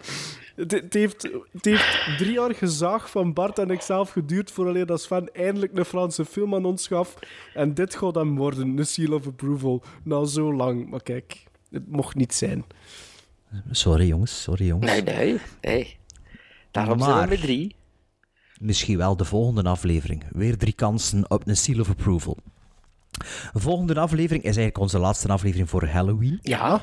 En eh, met Halloween doen we traditioneel wel wat iets speciaals met horrorfilms. Horror, horror, horror, horror, ja. Horror, Horrorfilms. horror. En, eh, en af, afgelopen zaterdag, voor zij die een beetje op eh, de sociale media actief zijn, was, er, ehm, was het 100 jaar geleden, 5 oktober, dat Donald Pleasence geboren werd.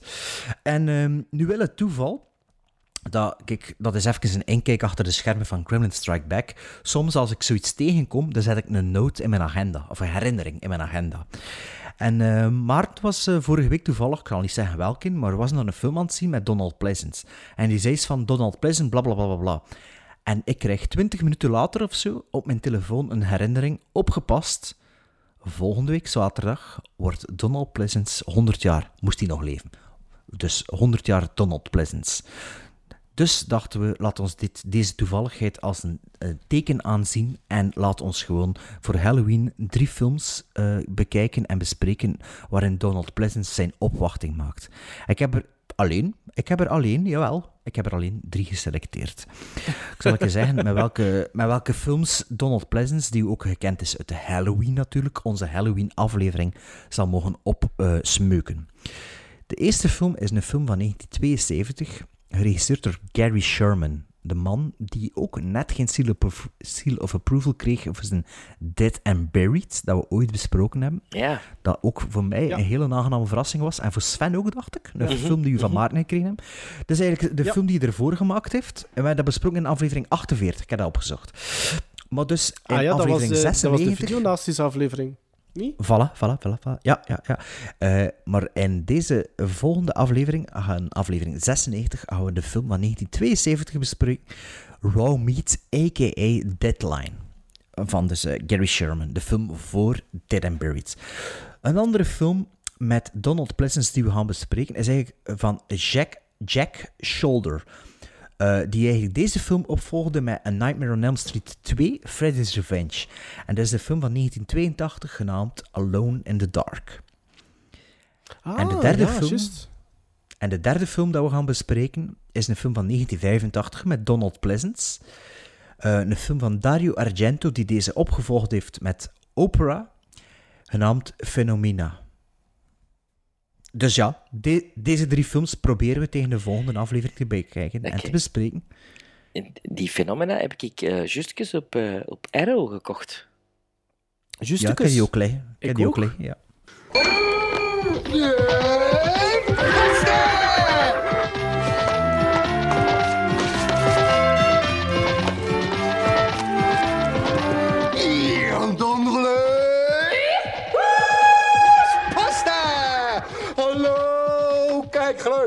Ook deze maand een enorme bergpost. Dus ga door naar de eer- eer- eer- eerste brieven.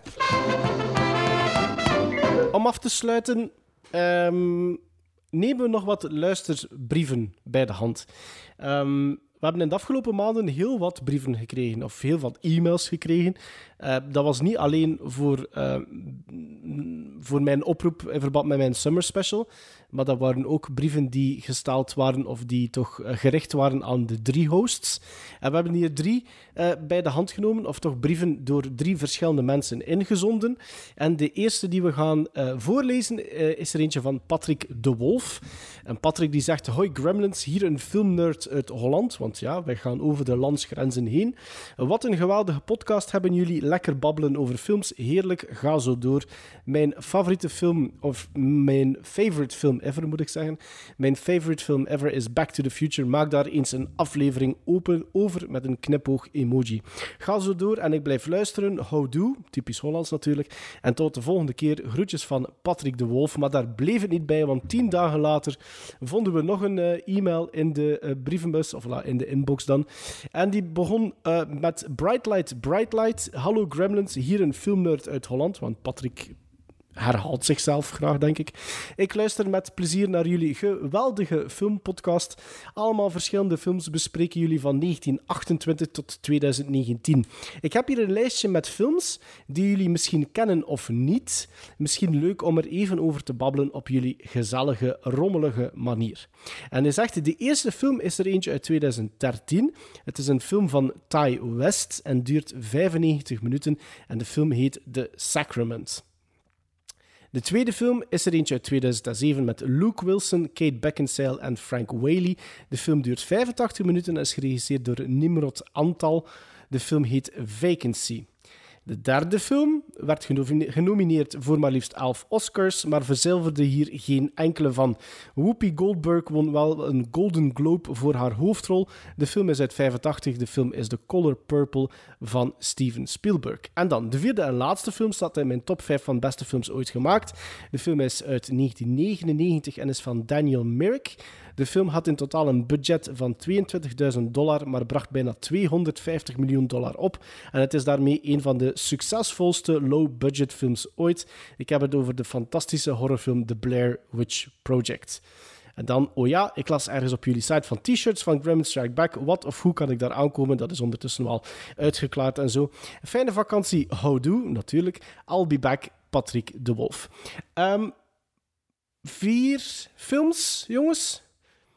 Heeft er iemand The Sacrament gezien? Ik wel. Denk het niet. Ik heb alleen het sacrament gezien van Hugo Claus. The Sacrament is een film waar dat John Goodman, de, als ik me goed herinner, is John Goodman zowat de, het hoofd van een, zekere, een soort van secte. Ehm, ik weet niet of dat, dat een belletje erin komt, Bart. Misschien dat je het nu beter weet. Nee, eigenlijk niet. Ik denk, het staat op mijn watchlist. Maar ik denk dat ik mis met de invitation en allemaal. Dat Ah, beetje- ja, dat zou wel kunnen. Ja, dat zou wel kunnen. Ik heb die ene keer gezien en ik moet zeggen, ik vond dat geen slechte film. Dus je weet, geregisseerd door Ty West, dat is die van The House of the Devil, dat wij dit, deze jaar Ah, hebben ja, besproken ja, hebben, ja, denk ja, ik. Ja, En dat en, wij eh, alle drie wel goed vonden. history, History in the Valley of, in the Valley of Violence of Ja, zoiets. ja, history, ja, ja juist Ja. met eh, ehm, Ethan Hawke en John Travolta. Ja. En die Innkeepers, The House of the Devil dus, en deze, The Sacrament. Ik heb die ene keer gezien. Ik vond dat oké, maar ik vond dat dat een beetje te kampen had met wat tempo-issues. Vond Beetje dat like dat een niet samurai. altijd- Nee, net Nee. niet. Net niet. Net niet. Net niet. En de tweede film dat eh, Patrick zei was... Eventjes Vacancy. kijken. Vacancy, ja. Die heb ik gezien. Vond dat een goede film. Wel van gehoord. Vond dat zo'n goede hoed aan Vond- het. Vond dat een toffe... kan dat ik vond dat niet goed. Nee, vond dat niet goed? Nee, vond dat wel oké. Vond dat oké. Dan The Color Purple. Ik neem aan dat we die alle drie gezien hebben. Nee, ik heb dat niet gezien. Nee, Sven? Nee. Ja, maar dat is heel lang geleden. Ik Denk, Ik vind dat een goede film. Ik vind dat zelfs een hele goede film. Dat zal Ik wel. heb hè. denk ik al twee of drie keer gezien. Ja. Goeie. En dan The Blair Witch Project. Daar geef ik hem helemaal gelijk in. Ik vind dat een van de beste horrorfilms ooit gemaakt. Ehm, Ik dat zag is hem in de cinema en ik was niet bang. ah, ik Ah, heb wel. dat thuis gezien en ik durf niet gaan slapen. Ah, dat is grappig, want ik weet nog dat hij de vorige keer zei, Bart, toen we het over It Chapter 2 hadden, dat dat voor de eerste keer was dat hij in de zaal zat, Ja, dat hij ja, even ja. zoiets... Eh? En wel, ik had dat op het einde van de Blair Witch Project. Dus niet. kan ik mij nog perfect voorstellen hoe dat ik mij voelde op dat moment. Johan Mommen heeft ook gemaild. Gegroet heren van Gremlins Strike Back. Ik luister al naar jullie podcast sinds jullie allereerste jaar en nog altijd met plezier. Nochtans zijn de meeste films die jullie bespreken niet meteen mijn smaak. Horror en de meeste arthouse zijn niet aan mij besteed. Maar ik hoor jullie graag bezig over films. Zeker wanneer jullie verschillen van mening. Voor mij moeten films vooral entertainend zijn. Dus hou ik vooral van comedy en action. Action, nee, actie, schrijft hij eigenlijk. Comedy en actie. Genres waar spijtig genoeg toch meestal op neergekeken wordt. Mijn smaak ligt het dichtst bij die van Sven en het minst dicht bij die van Maarten. Ik was namelijk ook een tiener, die van de jaren, ik was namelijk ook een tiener van de jaren 80 en volgens mij moet je toch opgegroeid zijn in die periode om te houden van 80s films. Meestal ook uit nostalgie. Jullie hebben mij toch een paar keer doen verschieten. Vooral Sven, die Stand By Me, niet, maar, vooral Sven, die Stand By Me niks vond. Een van mijn favorieten. En The Bachelor Party, die jullie alle drie slecht vonden, maar voor mij fun van begin tot het einde is. Zijn, is, zijn. Stond er niet bij. Begin van het einde. Punt. Punt. Nu, nu. Waarom ik deze mail stuur, is om te vragen, maar dat heeft Maart misschien al antwoord, is om te vragen waar jullie eigenlijk de dvd's Blu-rays kopen. Jullie noemen een film knipperen bij wijze van spreken met de vingers en kunnen hem al meteen zien. Toch geen illegale downloaders zeker. Er staat veel op YouTube, hè, eh, Johan Mommen. Ehm, Eh, downloaders zeker. Ik heb nog een hele waslijst aan 80s films die ik nog wel eens terug wil zien. Maar welke sites zijn betrouwbaar? Voor te downloaden, geen idee. Tot, tot, slot, tot slot nog even een tip. Misschien interessant om af en toe een BV uit te nodigen die komt praten over zijn favoriete films. Groet en blijf vooral verder doen.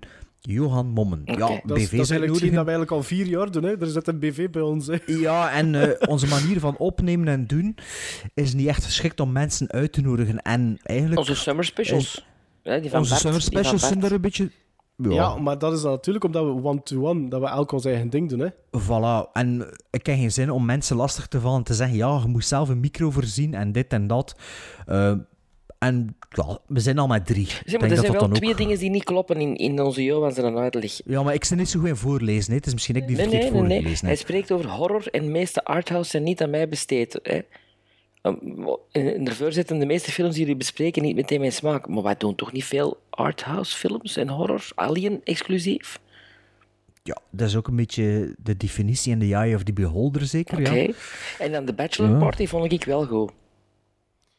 Ik, ik denk dat Bart Maar en ik vonden... Ik, denk dat Bart hebben en ik die niet zo grappig vonden. Nee. Nee, nooit, nee, Nee. zo terloops Nee, een hè? Ik heb we- gezegd dat ik die herbekeken had een half jaar geleden, dat dat echt niet goed en dat we was. alle drie zoiets aan van, dat kan nu niet meer gemaakt worden. Zoiets. Dat wel, ja. Ja, allee. Ik vond dat dat was ook een fun film van mij, ze, maar nu dat ik hem her- herbekeken en dacht ik van, oh, toch niet echt... Eh, Ja, en, en Johan Mommen, eh, voor eh, u- uw vraag over waar dat wij onze dvd's en blu-rays kopen, dat is uitvoerig behandeld geweest in eh, mijn summer special. Dus ik, eh, ja, ik raad aan maar die, die dan die nog mail was te- misschien nog van ervoor, hè. Ik weet het niet. Eh, ik denk dat die van ervoor was. Ik denk het ja, wel. zou kunnen. Ja. Misschien was dat ook op basis van die mail dat het die vraag behandelde. Oh, het waren er een paar Ja. die dezelfde Ah, vraag hadden gesteld. Maar wel blij Voilà. dat hij van de jaren 80 films houdt. Dat vind ik wel tof. Maar ik vind Maar dat we wij alle drie toch? heel- Ja, voilà. Ik vind niet... Je moet, je moet een tiener geweest in de jaren 80 of opgebroeid zijn in die periode. Ja, ik ben er kijk van 84, oké, va. Dat snap ik nu wel. Maar wij houden toch alle drie van 80s films? Ja, ik vind dat Johan Mommen vooral van het eerste jaar te luisteren toch nog niet zo goed aandachtig geluisterd heeft. hè. Allee, oh ja. Als ik mag zeggen, Johan Mommen, die waarschijnlijk ook een shirt besteld heeft. Bedankt voor de shirt bestellen. Dag Gremlins. Ik heb ondertussen de naam van de film gevonden. Le Grand Tour van Jérôme Lemaire. Wat mij betreft een aanrader. Bedankt om mee te zoeken. Groetjes Stefan Hoesen. En wel, dat was die film over die rolstoelpatiënten of zo in België. Dat we niet Nee, vonden. dat was die, die film over dat hij zegt van dat waren die gasten die allemaal aan het suipen zijn en die op, aan het rondtrekken zijn. En wij dachten van, ah, dat kan- zou misschien van Altra. Vrebos kunnen zijn. Ah ja, ja, of Julien Vrebos. Ja, dit is dus Le Grand Tour van Jérôme, Jérôme Lemaire. Lemaire. En twee weken later zegt dezelfde Stefan Hoesen... Dag Gremlins, de zomerspecial van Maarten inspireerde mij om ook nog eens wat vragen af te vuren. Aan jullie de keuze om ze te bespreken en te beantwoorden of niet. Vraag 1. Ik heb de onhebbelijke, tussen aanhalingstekens ongebbelijke, eigenschap om enkel films te bekijken... Ongebbelijke? Ja, waarschijnlijk film van West-Vlaanderen zijn, of, of u een beetje dat uitleggen. is misschien niet wie, Eh, on- of ja, wie dat, ja, hoe wie is dat nu? onhebbelijk. Hoe is dat nu moeilijk om uit te spreken? onhebbelijk. Dus ik heb de onhebbelijke eigenschap om enkel films te bekijken die minimaal 6,5 op 10 scoren op IMDb. Dat is zeer onhebbelijk. Ja. Dat is zeker onhebbelijk. Gebbelijk. Een film kiezen kan soms zo wel even duren. Hoe gaan jullie om met ratings? Hebben jullie ook een van deze regeltjes voor jezelf of gaan jullie blind in een film? Kunnen jullie me overtuigen om minder streng te zijn in de toekomst? F- Fuck die Dat is scores, heel hè. makkelijk. Fuck dat is it. heel makkelijk. Dat, Stefan, dat is heel makkelijk. Als je dat niet meer gaat doen, hadden nog pareltjes ontdekken. Zo is dat. Zo is dat. Vraag 2. Ik verken momenteel de opties om een nieuwe televisie aan te schaffen. Maar hoe ziet jullie tv-setup er eigenlijk uit? Is er een audiosysteem aangekoppeld? Hebben jullie een eisen qua specs? Be- Wacht, hè, dan begint het met Chinees. Hebben jullie eisen qua specs? Ja, Bijvoorbeeld minimaal voorlezen. 50 inch, 60 HZ of meer, punt, Hertz. puntje. Hertz, Welke Blu-ray-speler gebruiken jullie of hoe ziet jullie droomsetup eruit? Ja. Ik ken een plasma-tv die veel te veel warmte afgeeft, dat ik graag zou vervangen door een OLED als ik er geld voor neem. En als ik verhuis eh, en verbouw, ga ik ook kabels voorzien voor een 5.1 of een 7.1 te installeren. Maar momenteel is gewoon een tv met een PlayStation 3 bij mij. Ik weet niet of dat bij jullie zit. Ik heb een 4K LG-televisie beneden staan, ehm, waar dat een regiovrije Blu-ray-player aan vasthangt. Ehm, ik had een, ehm, een soundbar, maar een simpele soundbar, waar met een, ehm, hoe noemt dat? Een subwoofer, denk ik dat Ja, dat heet. Ik 2.1 ben er ook zo- eigenlijk, Ja, zo gezegd, 2.1. zo. Ja, 2.1. Maar ik moet nog achter een kabeltje gaan, want dat was via Bluetooth en dat gaat niet zo goed met Bluetooth. Omdat je dan altijd een fractie van een seconde later je audio hebt. Dus ik moet nog achter zo'n optical line eh, of zoiets gaan voor hem te, vast te, koppelen. En Sven kijkt heel bedenkelijk. Sven zegt, ik heb een tv Ik thuis. heb een tv van ons moeder geërfd. eh, een, een Pioneer, een pionier wou ik zeggen. Een Pioneer. En ik denk dat dat beest, dat is een grote, maar zonder overdrijven, ik denk dat die... eh, 10, 50 kilo weegt nee, zo nog. 10 jaar oud. Ja. Ik denk dat hij 10 jaar oud is. Ik denk dat dat een van de eerste... een meter diep is. En een meter diep is. Nee, nee, het is nog wel het is dat flatsen, maar ik denk dat het zo een van de eerste flats is. Maar die speelt nog perfect. En ik ben van het principe, als iets niet kapot is, moet het niet vervangen. Oké, ja. En hoeveel hertz, hoeveel, hoeveel hertz is die? Jongen, hertz, dat ken ik allemaal niet. Ik weet zelfs sinds kort dat ik mijn laptop kan aansluiten op een tv. dus, dus ging een hele wereld voor mij open. Toen worden er, hè. Toen worden er. Goh. Eh, je was, de mail was nog niet Nee. klaar, hè, van Stefan Hoezen. Als toesmijter, wij zeggen uitsmijter, maar bon, als toesmijter, Ja, mijn watchlist voor de volgende dagen. 1. Dogtooth van Lantimos. Het is niet met CH. Het, is niet, het is met een G, hè. Dog, niet dog. Dogtooth, ah, Dogtooth. On- ongebbelijk. Dogtooth. 2. The Favorite van Lantimos. Oei, oei. 3. The Long Good Friday van Mackenzie. 4. 8th Grade van Burnham. Groetjes uit Limburg, Stefan Hoesen. Dogtooth ken ik niet. Dus de debuutfilm van eh, Lantimos. Ja. Van eh The Favorite en The Lobster en The Sacred Dealing of a Deer. The Favorite heb ik gezien. Heb je al die gezien? Ja. Nee.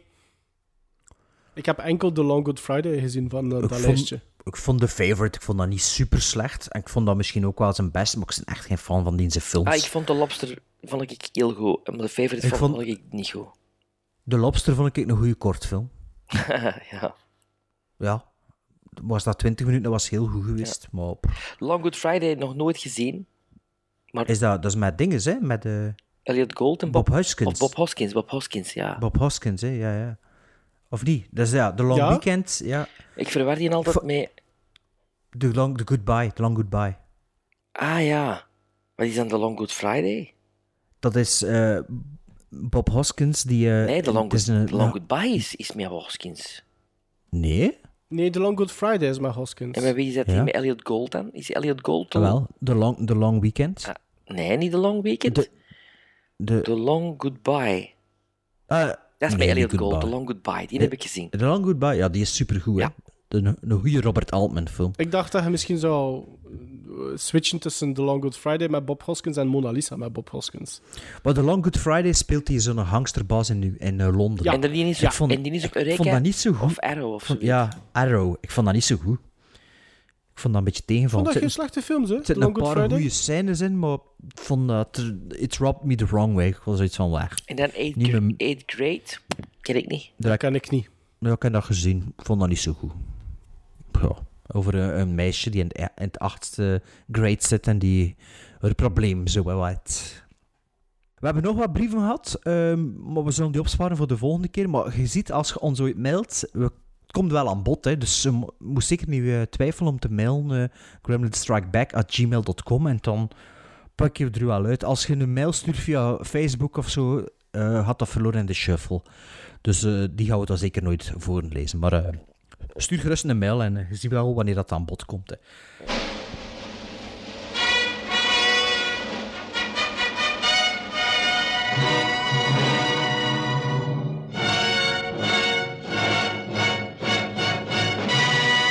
Oké, zoals uitgelegd door eh, Bart, eh, hebben we dus al een datum eh, geprikt voor de volgende op- opname. Dat is bij ons de 17e. Dus provisoir zeggen we nu dat die aflevering de 22e eh, oktober online komt. En dat zal dus eigenlijk onze Halloween-aflevering eh, worden, waarin dat we drie films bespreken eh, met telkens een zekere Donald Pleasance in de hoofdrol. En de eerste zal Raw Meat zijn, a.k.a. Deathline. De tweede is Alone in the Dark. En dan hebben we het niet over het Uwe Boll vehikel wat Sven een fantastisch goede film vindt. Ja. Dus die gaan we niet bespreken. Het is een film uit 82. En als derde is er Phenomena van een zekere Dario Argento. Dus de 22e dan maar.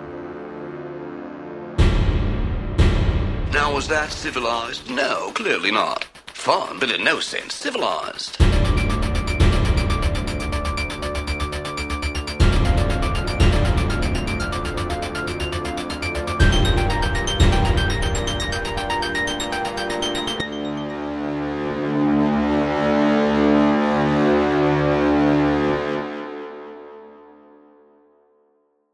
En, en met dat interview had de Rob Zombie ook de No Shit Sherlock prijs gewonnen. Is dat een echte prijs? Nee, nee, Sven. Nee, nee, nee. Oké, ik was er al mee weg. Zat in uw boekje. Schrijf het. Schrijf in het. Star Wars boekje. Phenomena. Phenomena. Du, du, du, du, du. Phenomena. Du, du, du, du. Phenomena.